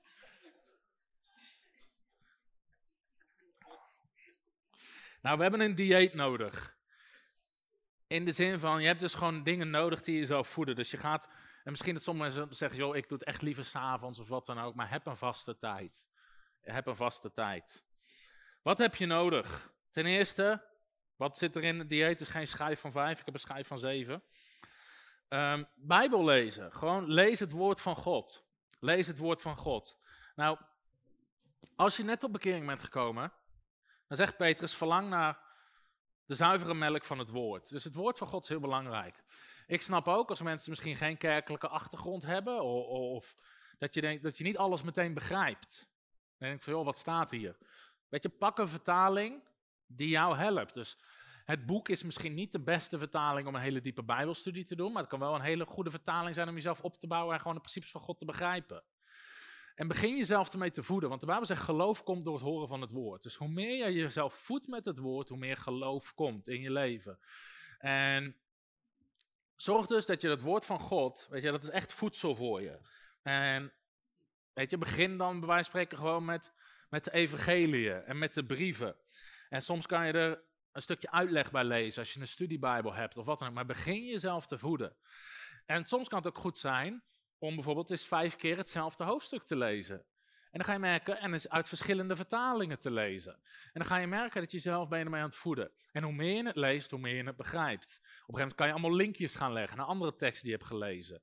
Dus weet je, lees het woord van God. Het is zaad. Marcus hoofdstuk 4, de zaaier zaait het woord. En dat gaat vrucht dragen in ons leven. Dus we hebben het nodig. Je merkt of mensen zichzelf voeden met het woord van God of niet. En dan zeg je tegen jouw ziel, ik ga doen wat ik lees in het woord. En ik ga leven naar het woord. Ik ga leven naar die principes. Nou, je kan hoofdstukken lezen. Uh, maar je kan ook onderzoek doen naar bijvoorbeeld bepaalde onderwerpen of principes. Dus je hoeft niet altijd gewoon structureel doorheen te lezen. Dus je kan ook, je hebt tegenwoordig heel veel op internet een tool dat je gewoon kan zoeken op een woord. Dus stel, um, weet ik veel, jij wil iets leren over gebed of over geduld of over de Heilige Geest. Je kan gewoon op internet zoeken op Heilige Geest. In allerlei Bijbels, uh, Bijbel-apps, de Bijbel.nl, Bible Gateway in Engels. En dan ga je die teksten ga je gewoon één voor één lezen, tot je nemen, de context lezen. Op die manier ben je jezelf aan het voeden. Um, onderzoek doen naar bepaalde woorden. En wat heel belangrijk is, als je het woord van God leest, en ik wil dat zo meteen ook praktisch gaan maken, is, dat gaan we zo meteen doen. Lees langzaam en goed. Lees langzaam en goed. Besef wat er staat. Kijk, als wij gewoon de krant lezen, of ik weet niet wat je allemaal leest voor je werk, dan zijn we gewend. Laten we meteen maar eens een voorbeeld doen. We, gaan even, um, we zijn gewend om heel snel te lezen, omdat we zijn gewend om informatie tot ons te nemen. En je wil een beetje de kern weten. Maar het woord van God, je moet, er, dan gaan we het zo meteen, je moet erop kouwen, je moet erover nadenken, je moet het voor je zien. En we gaan bijvoorbeeld gewoon eens lezen uit Handelingen. Um, laten we Handelingen 5 eens pakken. Gaan we een klein stukje tekst lezen. Maar nu gaan we gewoon eens langzaam lezen en voor ons zien, joh, wat staat hier eigenlijk? Wat gebeurde hier? Handelingen 5, we gaan even lezen. Uh, we gaan maar uh, vier versen lezen. Handelingen 5, vers 12 tot en met 16. Nou, boek Handelingen zijn natuurlijk de discipelen van Jezus, de apostelen. En dan staat er dit. We gaan gewoon eens lezen vers 12. En er gebeurde door de handen van de apostelen veel tekenen en wonderen onder het volk. En ze waren alle eensgezind bijeen in de zuilengangen van Salomo. Nou, dit is één vers. Hier zou je, dit zou je eens goed een aantal keer kunnen lezen. Er gebeurde door de handen. Oké, blijkbaar gebruikte God, God onze handen gebruiken. Nou, is er al een tekst waar iemand aan moet denken? Als je leest, God wil onze handen gebruiken. Marcus 16. Leg handen op zieken. En je ziet, er begint er iets in je geest te komen. Je bent erop aan het komen. Door de handen. Dus oké, weet je, misschien als wij een wonder en teken willen wandelen, moeten we onze handen leren te gebruiken. Door de handen van de apostelen. En veel tekenen en wonderen gebeurden er. Veel tekenen. Oké, blijkbaar ze in het boek Handelingen niet sporadisch een wonder. En zus Annie, die van de knie was genezen, zes jaar geleden, maar die nu toch weer moet getuigen in de dienst. Want er is in de tussentijd niet zo. Er gebeurden veel tekenen en wonderen. Veel tekenen en wonderen. Waar gebeurden die wonderen en tekenen? Onder het volk. Gebeurde blijkbaar niet in de kerk. Het gebeurde onder het volk. En dan ga je dat voor je zien. Oké, die apostelen liepen daar. Er gebeurden denk ik veel wonderen en tekenen. Ze begonnen blijkbaar handen te leggen op mensen. Wonderen gebeurden, tekenen gebeurden. Dan ga je voor, nou wat zouden die wonderen en tekenen zijn? Oké, ik denk dat er zieken genazen. Ik denk dat er demonen uitgingen. Dat soort dingen begonnen daar te gebeuren. En je begint dat voor je te zien. Die apostelen die zijn daar, of die lopen daar. En die beginnen handen te leggen. En wonderen beginnen te gebeuren. En veel wonderen, niet een paar, veel. Ze waren alle eensgezind bijeen. Oké, ze hadden blijkbaar was er een, eenheid waarin ze bijeen kwamen. Ze hadden één zin, ze hadden één doel. er was eenheid. En je begint op al die dingen begin je te kouwen. In de zuilengang van Salomo. Nou, dan kan je tegen iets aanlopen en denkt, oh, ik weet niet wat dat is, de zuilengang van Salomo. Die hebben wij niet in het dorp. Toch? Of heeft iemand die wel in zijn dorp? Nou, dan kan je bijvoorbeeld een studiebijbel of, of, een, uh, of je tegenwoordig gewoon Google. Als je wil zoeken, dit is even een tip voor de mensen die Engels. Als je wil zoeken, pak even de Engelse vertaling en zoek op de Engelse term. Ook als je Bijbelteksten zoekt. Want in in de Engelstalige wereld is er zo gigantisch veel meer beschikbaar. Dus als je bijvoorbeeld in het Nederlands een deel van een Bijbeltekst intypt op Google, is de kans heel klein dat je direct de tekstreferentie krijgt. Maar als je het doet in het Engels, krijg je meteen allerlei Bijbel-apps en tekstreferenties en dan zie je meteen waar die staat. Dus als je in het Engels waarschijnlijk opzoekt de Ports of Solomon, krijg je waarschijnlijk meteen hele andere hits. Dus pak een Engelse vertaling en zoek dat op. Nou, of studiebijbel.nl, misschien zijn er mensen die hebben de HSV Studiebijbel. Dan kom je erachter, dat was een, een plein voor de tempel, waar ook heidenen en andere mensen mochten komen. Het werd in die zin nog niet echt onder het heilige van de tempel geregeld. Het was een plek waar het volk bijeenkwam, uh, waar bedelaars zaten. Dus gewoon een plek midden in de maatschappij. Nou, als je dat weet, kan je daar verder op mediteren. Ze waren allemaal eensgezind bijeen. Oké, ze, kwamen blijkbaar niet met elkaar in een kerkgebouw samen. Ze waren daar midden in een plek waar de zondaren waren, de bedelaars waren, waar, waar mensen naar de tempel gingen. Gewoon midden onder het volk, midden in de maatschappij. Nou, dat zou bij ons misschien in het winkelcentrum kunnen zijn, of op het plein, of ehm, als er geen corona is. Maar, ehm, oké, dus daar gebeurde veel tegen, gewoon onder het volk, niet in de kerk. Het gebeurt blijkbaar ook onder de mensen, oké. En van de anderen durfde niemand zich bij hen aan te sluiten. Want het volk had grote achting voor hen. denk je, zo. Ze hadden blijkbaar niet het probleem van, joh, kom naar de kerk. Mensen durfden het gewoon niet, want er was zo'n groot respect. Er was zo'n groot respect. Blijkbaar deed God daar iets heel bijzonders. De tekenen en de wonderen, het feit dat de demonen uitgingen, dat ze zieken genezen, zorgde voor gewoon respect en ontzag voor de kracht van God. Mensen hadden, waren er zelfs, je zou kunnen zeggen, een beetje bang van. Maar toch werden er steeds meer, vers 14, toegevoegd die in de Here geloofden. Menigtes van zowel mannen als vrouwen. Oké, dus, dus er werden mensen toegevoegd die in God geloofden. waren hele menigtes. Dan kan je nadenken, wat, hoe groot is een menigte? Nou, dan kan je denken van, oh, Jezus, een menigte van de voedselvermenigvuldiging was blijkbaar een menigte. En dan kun je gewoon van nadenken, joh, zouden er tien mensen zijn geweest, zijn twintig mensen? Nou, denk ik niet, dat is geen menigte. Blijkbaar waren het gewoon grote groepen mensen. Of dat er honderden waren of duizenden, weten we niet. Maar menigtes mensen werden toegevoegd in de kerk van handelingen. Zodat zij, vers 15, zieken naar buiten droegen, op de straten, en hen op bedden en lichtmatten legden. Oké, dan denk je, goeiedag, die hele menigtes komen tot geloof, duizenden of honderden mensen. En die beginnen zieken naar buiten te dragen. Dus blijkbaar gingen die mensen hun huis in, gingen zieke mensen zoeken en die droegen ze naar buiten. En mensen die op lichtmet, uh, op dat is Engels. I'm laying on my lichtmet. Uh, die op lichtmatten legden. Dus mensen die echt op een mat lagen, die niet konden lopen. De zieken werden eruit gehaald. En wat gebeurt er dan? Dat wanneer Petrus voorbij kwam, ook maar zijn schaduw op iemand van hen zou kunnen vallen. Dus blijkbaar was er iets bijzonders in de schaduw van Petrus. Dat de kracht van God zo groot was dat mensen overal zieken neerlegden, opdat als Petrus langsliep zijn schaduw op die mensen vielen. Want blijkbaar gebeurden er dan wonderen. Grote tekenen en wonderen. Wacht eens, we hebben net gelezen van grote tekenen en wonderen. Blijkbaar waren die tekenen en wonderen dus nog, zelfs nog soms heftiger dan alleen handen leggen op zieken. Wat een kracht van God. Ook maar op iemand van hen zou kunnen vallen. En ook de menigte uit de steden in de omgeving kwamen gezamenlijk naar Jeruzalem. Dit moet je eens voorstellen, dat op omroep, uh, omroep Jeruzalem was niet van, nou, er staat hier een menigte te rellen. Er komt een hele menigte komt hier naar de stad toe. Er moeten mensen waar staan en zeggen, joh, wat gaan jullie doen? Oh, heb je het niet gehoord? Er gebeuren grote wonderen en tekenen. Er worden zieken genezen, gaan demonen. Als Petrus langsloopt en zijn schaduw valt op je, dan worden mensen genezen. Moet iemand zeggen, wacht, ik heb ook nog een oom of tante die ziek is. En hele uit de omliggende steden kwamen, kwamen, dus er kwamen menigtes, groepen mensen kwamen naar Jeruzalem toe. Men bracht zieken, hen die door onreine geesten gekweld werden. Oké, blijkbaar bestaan er demonen, kan je, kan je hieruit opmaken. En die kwellen mensen. Wat doen demonen, vragen Nou, dat staat er gewoon als je langzaam leest. Mensen worden gekweld door ze. Mensen worden gekweld door ze. En zij werden allemaal genezen. Zij werden allemaal genezen. Hoeveel werden er genezen? Allemaal. Allemaal. Oké, blijkbaar waren er nog geen theologen die uitlegden dat God niet iedereen geneest.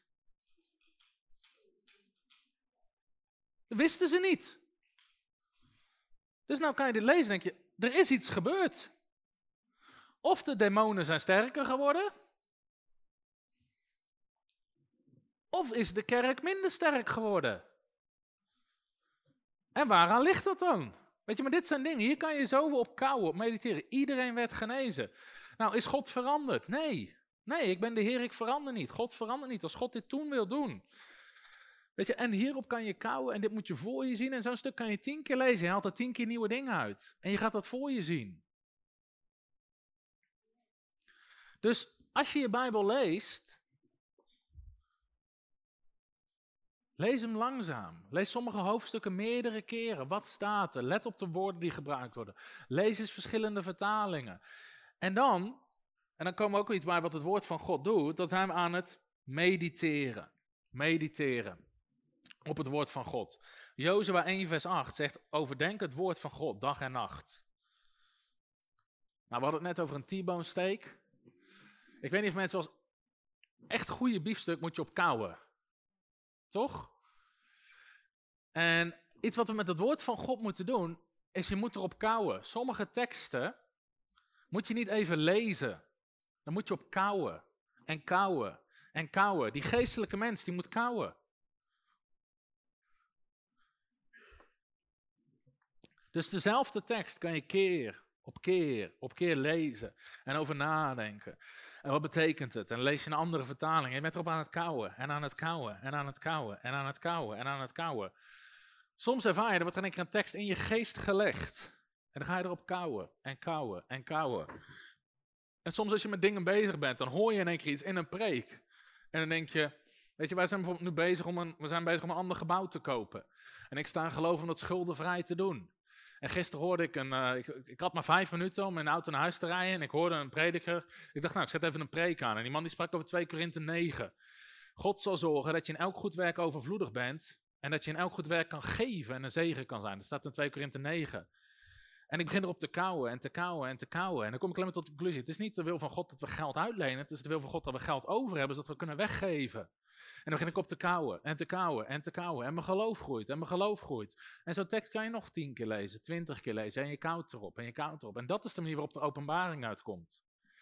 Dat is waar de kracht van God in zit. Jezaja 55 zegt, God zendt zijn woord.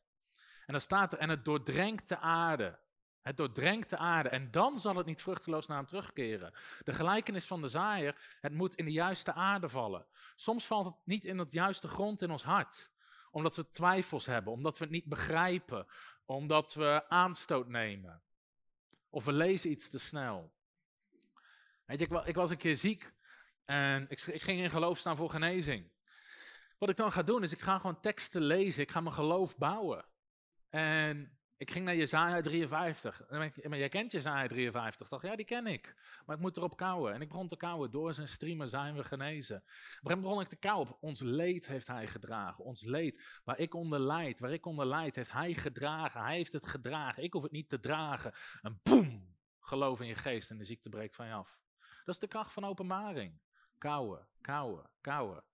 Soms zeggen mensen, ja, maar ik weet het al. Nee, nee, nee, nee, nee, je weet het helemaal niet. Dat is de kracht. Je geest moet erop kouwen, moet erop mediteren. Iets anders, dus dat is nummer twee wat we doen, is mediteren. Nummer drie is bidden. Bidden. Nou, mijn boek Bidden is ontvangen, schrijf ik over, zijn verschillende soorten gebed. Je kan voorbeden doen voor familieleden, voor de gemeente, voor de, van alles en nog wat. Kan je voorbeden doen. Bidden is ook met God praten. Dus dat is ook iets wat je doet in je tijd met God. Je praat gewoon met God. Je zegt dingen tegen God. Weet je, ik heb gewoon op mijn, uh, op mijn telefoon heb ik altijd gewoon een notitieblokje. Met als ik denk, als ik dingen ervaar die God spreekt in mijn geest. Of zelfs als ik denk van nou, ik weet het niet zeker, ik schrijf het op. En als het dan terug blijft komen, dan weet ik God is aan het spreken. Of dat je misschien fysiek een schrift hebt, maar schrijf dingen op. Dat je niet achteraf denkt, oh ja, wat had ik ook alweer op mijn hart. Hou dingen bij. Terwijl je aan bidden bent, praten bent met God, omgang hebt met God. Uh, je kan om dingen vragen, maar het kan ook gewoon stil zijn in de aanwezigheid van God. Als je de aanwezigheid van God voelt, gewoon eens stil worden en kijken wat komt er in mijn geest. Weet je, je leert leven vanuit je geestelijke mens. Nummer vier is aanbidden. Is aanbidding.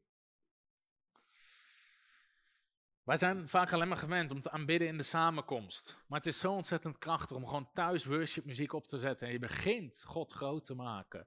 En je begint in plaats van gewoon dat je, weet ik van, nadenken bent, want kletsen bent, ben gewoon, Vader, ik prijs u, ik loof u. U bent groot, Heilige Geest van God, wees welkom. Weet je, altijd als ik de Weet je, als ik bijvoorbeeld iets moet doen, als ik de vaatwassen moet uitruimen, pak ik een boxje, ik zet aanbidding. Ik moet dat toch doen, kan ik net zo goed aanbidden. Kan ik net zo goed, en in mijn geest, weet je, dat is de kracht ook van tongentaal. Hoef je niet bij na te denken. Je kan gewoon de vaatwasser inruimen. Kibra sanda le brandiligi santa, songre, gebra shika. En de Bijbel zegt, je geestelijke mens bouwt zich op. En terwijl je bidt in tongentaal, ervaar je in één keer iets in je geest. Of er komt een bijbeltekst waar je dan over begint te mediteren. Dat is de kracht van gewoon dagelijks gewoon omgang hebben met God. Dat is de kracht van functioneren in de geest. Paulus zegt, ik ben meer dan u allemaal in tongentaal. Maar als ik in de gemeente kom, doe ik liever woorden waarmee ik het uitleg. Nou, waar deed hij het dan? Blijkbaar thuis. Of waar hij ook zat. Zat hij zichzelf op te bouwen in de geest. Aanbidden, gewoon worship muziek opzetten, meezingen. Weet je, ook dat is iets. Als je kinderen, zodra ik aanbiddingsmuziek opzet, dan doe ik een beetje van die, van die, van die classic praise muziek. Dan komt Matthew en die komt mee dansen, weet je Die wil dan erop dansen. En er zijn twee dingen waar hij op danst. Of Jimmy Swaggart of Baby Shark. maar goed. Uh, aanbidden, boeken lezen. Boeken lezen, weet je wel. God, kijk, soms hoor ik mensen wel eens zeggen, ik moet altijd wel lachen. Ja, ik heb de Bijbel, dus ik heb geen boeken nodig. Mensen die dat zeggen zijn altijd hele vervelende mensen. Amen. Dit is het ding. Hetzelfde, ik heb de Bijbel, dus ik heb geen preken nodig. Nee, nee, nee, zo werkt het niet. Waarom? De, God, de Bijbel zegt, God heeft bedieningen gegeven, de vijfvoudige bedieningen, Efeze 4 vanzelf. Leraren, apostelen, profeten, herders, evangelisten. God geeft die bedieningen. God geeft mensen een bediening. God geeft mensen een gave om te preken. God geeft mensen openbaring. Het is hun taak om dat door te geven aan de rest van het lichaam. Het zij door prediking, het zij door het schrijven in boeken. Dus als je bezig bent om een bepaald thema in je leven, weet je, heel veel dingen heb ik geleerd van bijbelleraars zoals een Derek Prins. Ik, ik wist niks over vasten. Oh, wacht, Derek Prins heeft een boekje over vasten. Heeft een boekje over zorgen voor weduwe en wezen. En blijkbaar hebben zij daar een openbaring van gekregen van de Heer, of zij hebben dat helemaal onderzocht en nou hebben ze, ze hebben dat uitgekoud en nu geven ze dat door. Weet je, dat is gewoon leerzaam. Dus altijd om boeken te hebben. Weet je, ik heb, ik heb iets van 1200 boeken. En als ik ergens mee bezig ben, dan begin ik gewoon zo'n boek te lezen. En soms zit ik er ook op te mediteren. Dus dit is een boek van John G. Lake. John G. Lake werd gigantisch groot gebruikt door God. Hele, op een gegeven moment, hij woonde vijf jaar in Washington. En Washington werd de gezondste stad ter wereld. Omdat er meer dan 100.000 genezingen waren. John G. Lake leefde in een tijd, dat was veel erger dan corona. Hij leefde rond 1900, kwam er een plaag in Afrika en de helft van de bevolking stierf. Een soort pest en iedereen ging dood. Dat was ook verschrikkelijk besmettelijk. John G. Lake was de enige in heel Zuid-Afrika, of heel dat werelddeel, wat gewoon bij die mensen kon komen die besmet waren, die de lijken op kon ruimen. En hij werd nooit ziek. Hij werd nooit ziek. En op een gegeven moment vroegen de artsen, vroegen, hoe kan het dat jij niet ziek wordt? Iedereen die die mensen aanraakt, valt zelf dood neer binnen een week. Hij zegt, omdat Christus in mij leeft.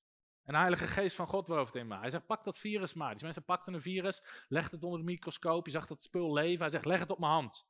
Ze legden het op zijn hand. Leg het weer onder de microscoop. Ze legden het terug onder de microscoop. Het was dood. Het was gewoon gestorven. Die mensen zeggen, hoe kan dat? Hij zegt, omdat de kracht van God is op me. De kracht van God. Weet je, ik zit samen, als je geloof wil bouwen tegen corona. Man, hij zegt, joh, die plaag. Hij zegt, joh, waar maken mensen zich druk? Hij zegt, ik leg, ik leg heel de week leg ik handen op zieken. Ik leg handen op mijn laatste, op mensen die allerlei pesten of builen of bulten hebben met pus. Hij zegt, ik leg gewoon mijn handen erop, die mensen genezen. Ik ga naar huis, ik geef mijn vrouw een huk, ik pak mijn kinderen bij. Ik zeg, schat, hoe is het? Hij zegt, ze zijn nooit ziek geworden. Christus leeft in mij, de geest van God leeft in mij. Hij die in mij is, een sterke die in de wereld is. En je begint te lezen wat dat soort gasten schrijven. Dit zijn gewoon preken van hem uit 1900. En hier, the man with Christ in him, the Holy Ghost, is greater than any other power in the world. Hij begint over dat soort dingen te schrijven. Je begint je geest daarmee te voeden. En dan denk je, goeiedag, wat zijn sommige mensen aan het, uh, aan het pieteren over allerlei dingen. A low standard of Christianity is responsible for all the shame in the world. Zo, zo, oké. Weet je, maar dit soort boeken van die mensen die hebben iets bereikt in hun leven met God, die hebben blijkbaar iets ontdekt, of wat voor boeken dan ook. En begin erover te lezen, kijk wat ze zeggen, kijk of het in lijn is met het woord van God. Weet je, maar zetten ze de Bijbeltekst erbij. Oké, hij die in u is, is groter dan hij die in de wereld is. Christus leeft in ons. Je zal handen op zieken leggen op mijn laatste, het zal je niks doen. Oké, blijkbaar heeft hij een Bijbelse waarheid ontdekt en is het een realiteit in zijn leven. Daar kunnen we iets van leren. Dus dat soort bedieningen zijn gegeven. Dus lees boeken. Lees boeken. En misschien hoef je geen hele grote boeken, maar ook daarin ga je merken, als je het leert, dan wil je wat meer. Um, boeken lezen. Iets anders is preken luisteren. Prediking is iets wat God bedacht heeft. Paulus noemt het zelf ook. Hij zegt, God heeft ervoor gekozen om door de dwaasheid van prediking de wereld te bereiken. Dus prediking is iets wat God ingesteld heeft. Hoe kunnen ze geloven als er niemand is die predikt, zegt Romeinen 10. Dus blijkbaar bouwt prediking je geloof.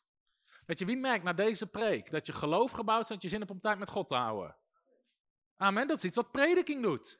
Dus God zalft prediking, God zalft zijn gesproken woord. Het moet in lijn zijn met het geschreven woord, maar God gebruikt predikers. Jezus ging rond en hij predikte in een synagoge. Dus prediking is iets wat God in heeft gesteld. Dus zoek predikers die je geloof bouwen. Ik zoek predikers die me uit mijn comfortzone trekken. Ik heb geen predikers nodig die zeggen wie weet hoe zwaar het is, hoe moeilijk het is. Het is ook allemaal zwaar, het is ook allemaal lastig. En... Nee, nee, nee, dat heb ik niet nodig. Ik heb nodig mensen die me uit mijn comfortzone trekken. Mensen die geloof prediken, die het woord van God prediken. Mensen die misschien dingen prediken waar ik nog niet zit. Als ik in geloof sta om een gebouw cash af te betalen, ga ik maar mensen luisteren die dat al gedaan hebben. Die het aan het doen zijn. Die, die, weet ik, voor die hele universiteiten hebben gebouwd en cash hebben afbetaald. Ik wil weten, wat hebben zij ontdekt? Welke geheimenissen in het koninkrijk hebben zij ontdekt? Waar zit hun geloof? Waar hebben ze hun geloof op ingezet? En ik begin ernaar te luisteren. met dat je naar luistert, kom je onder de zalving van die prediker. Dat is hoe God het heeft ingesteld. Als je maar lang genoeg naar frontrunners luistert, word je vanzelf radicaal. Ja, maar dat is zo. Dat is de bediening die God gegeven heeft. God heeft ons geroepen om frontrunners op te richten, om mensen radicaal te worden. Als je niet radicaal wil worden, kan je nu nog weg. Maar als je deze Bijbelschool een tijd doet, je luistert voor zo'n feit, je leest onze boeken, word je radicaal. Dat is de gave die God ons gegeven heeft voor het koninkrijk. Je bouwt geloof, we zijn een geloofsbediening. Je kan je heel bewust onder bepaalde bedieningen koppelen. Om te ontvangen wat zij van God gekregen hebben. Dus het mooie is aan prediking, ook in je tijd met God. Soms misschien dat je maar een stukje luistert. Maar of als je in de auto zit. Of als je onderweg bent in de bus naar school. Wat dan ook. Of, of je bent het huishouden aan het doen. Of weet ik van waar je van houdt. Maar leer jezelf de gewoonte aan om predikers te luisteren. Om een lijst met predikers te verzamelen. Tegenwoordig is er zoveel. Op YouTube, op Spotify. Er is gigantisch veel waar je geest mee kan voeden. Waar je geest mee kan voeden. Uh, prediking luisteren en nummer 7, dus dat is nummer 7. Boeken lezen was 5. Preken luisteren is 6. Nummer 7 is bidden in tongentaal. Bidden in tongentaal. Waarom? Paulus zegt, en ik heb er een boek over geschreven, dus die zal je wel lezen dit jaar, maar het bouwt je geestelijke mensen op. Je bent je geest aan het bouwen. Dus ook in mijn eigen tijd met God, heel vaak voordat ik ga bidden, soms ook voordat ik Bijbel ga lezen, begin ik in tongentaal te bidden. Nou, je voelt niet altijd iets. Maar ik zet gewoon aanbidding op en ik begin te lopen. Kebriskilanda, Lodorabashit, Rabaguska. Heer, ik prijs u, dank u Heilige Geest. Sepranduski, Daladabandi, Ridabandi, Diskonda. En in mijn geest begint iets te gebeuren. En als ik daarna Gods stem wil verstaan, gaat het veel makkelijker. Want ik heb mijn geestelijke mens opgebouwd. Als ik daarna het woord van God begin te lezen, komt er veel makkelijker openbaring. Want mijn geest is scherp, mijn geest is geactiveerd. We hebben een nieuwe taal voor onze nieuwe schepping en dat is tongentaal. Waarom zegt hij zal in nieuwe talen spreken? je bent een nieuwe schepping met een nieuwe taal. Het is de taal van, van de geest. Je bidt geheimenissen tot God, maar God zelf weet wat je aan het bidden bent. En dat is zo krachtig. Ook als je gewoon in de auto zit of even niks te doen hebt, begin gewoon te bidden in de geest. Begin te bidden in de geest. Gaan we ook nog wel meer les over geven.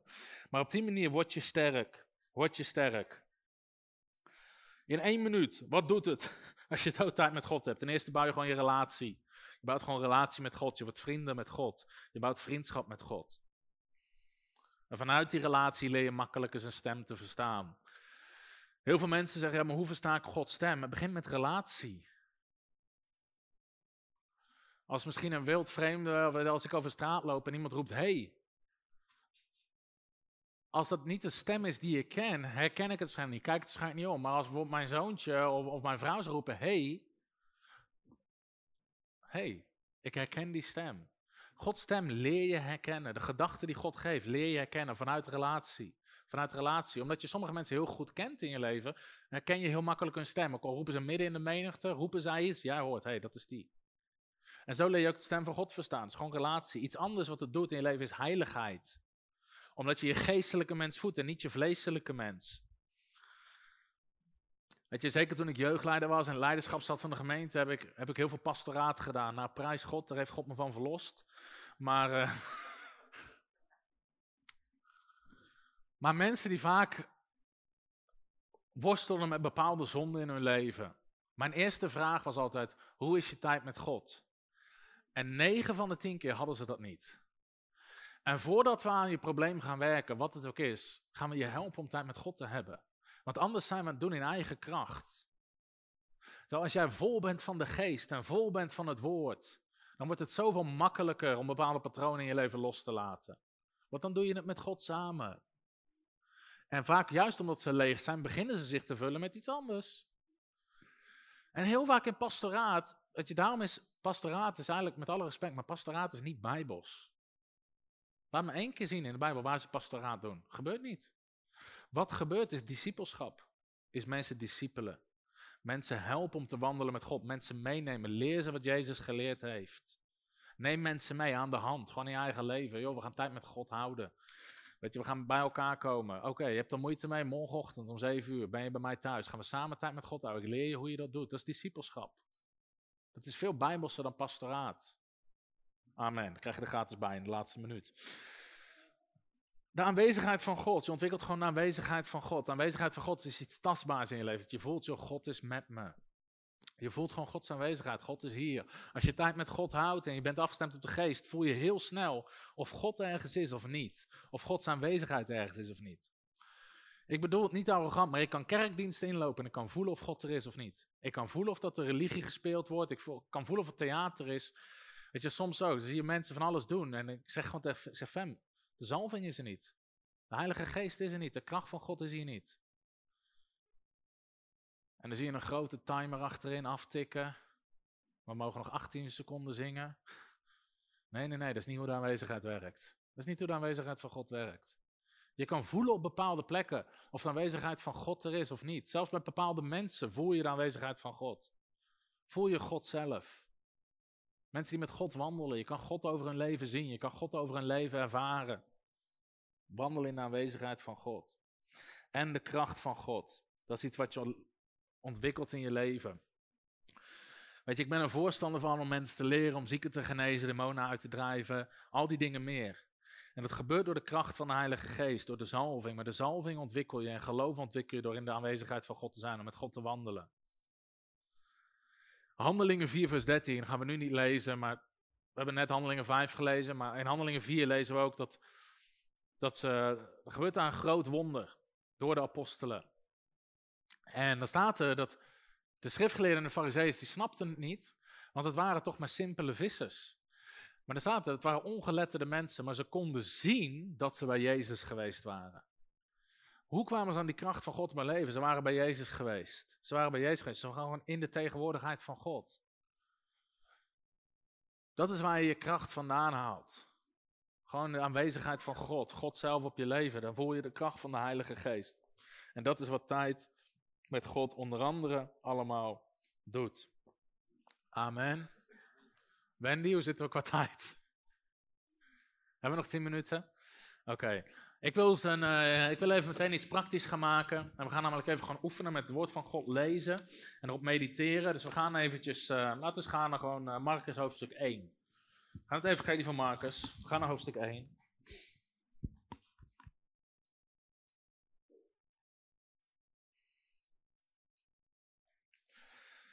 En ga gewoon zelf eens langzaam door Marcus 1 heen lezen.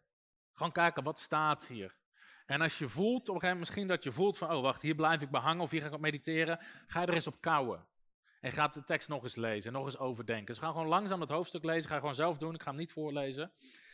En je hoeft er ook niet helemaal doorheen te komen, misschien dat je maar op de helft komt of nog niet eens. Maar ook als je maar een bepaalde tekst ervaart van, oh wacht, hier, hier ervaar ik iets, hier moet ik bij blijven hangen, ga maar eens tien keer lezen, twintig keer lezen, ga er eens op kouwen. En vraag ook eens van, heer, wat wilt u spreken tot mij? Wilt u mij bemoedigen uit uw woord? Wilt u iets in mijn geest planten? En dat gaan we nu dus gewoon doen. En uh, ga je gewoon doen en dan gaan we, vraag ik over tien minuten van, joh, wat, wat heb je geleerd? Welke nieuwe inzicht heb je? Wat heeft God misschien tot je gesproken? Of wat was een openbaring? Dus dat, uh, dat mag je nu gewoon doen. Ik hoop dat je genoten hebt van deze les van Bijbelschool.tv en dat het je helpt om een betere tijd met God te houden. Als je nou meer van dit soort onderwijs wil, geestelijk sterker worden, krachtiger worden, maak een account op www.bijbelschool.tv. Uh, de onderwerpen helpen je om je hemelse erfenis te ontvangen. Je weet wie je bent in Christus. Het helpt je je denken vernieuwen. Je leert zieken genezen, demonen uitdrijven. Al die dingen leer je via onze Bijbelschool. Dus ik wil je uitnodigen, maak een account en word geestelijk sterk. God zegen. Hallo, Tom de Wol hier en bedankt dat je weer geluisterd hebt naar onze podcast. Ik bid dat het je geloof gebouwd heeft en je bemoedigd bent. Als je niet alleen een luisteraar van onze boodschap wil zijn, maar ook een verspreider daarvan, wil ik je uitnodigen om partner te worden van Frontrunners. Door jouw maandelijkse donatie help je ons om dit evangelie van Jezus Christus en het woord van God over heel de aarde te brengen. Om partner te worden, ga naar www.frontrunnersministries.nl slash partners en word partner. Hartelijk bedankt en tot snel. Heb je ook zo genoten van deze inspirerende boodschap van Tom de Wal? Abonneer je dan op deze podcast. Volg ons op Facebook en op Instagram en kijk op onze website frontrunnersministries.nl.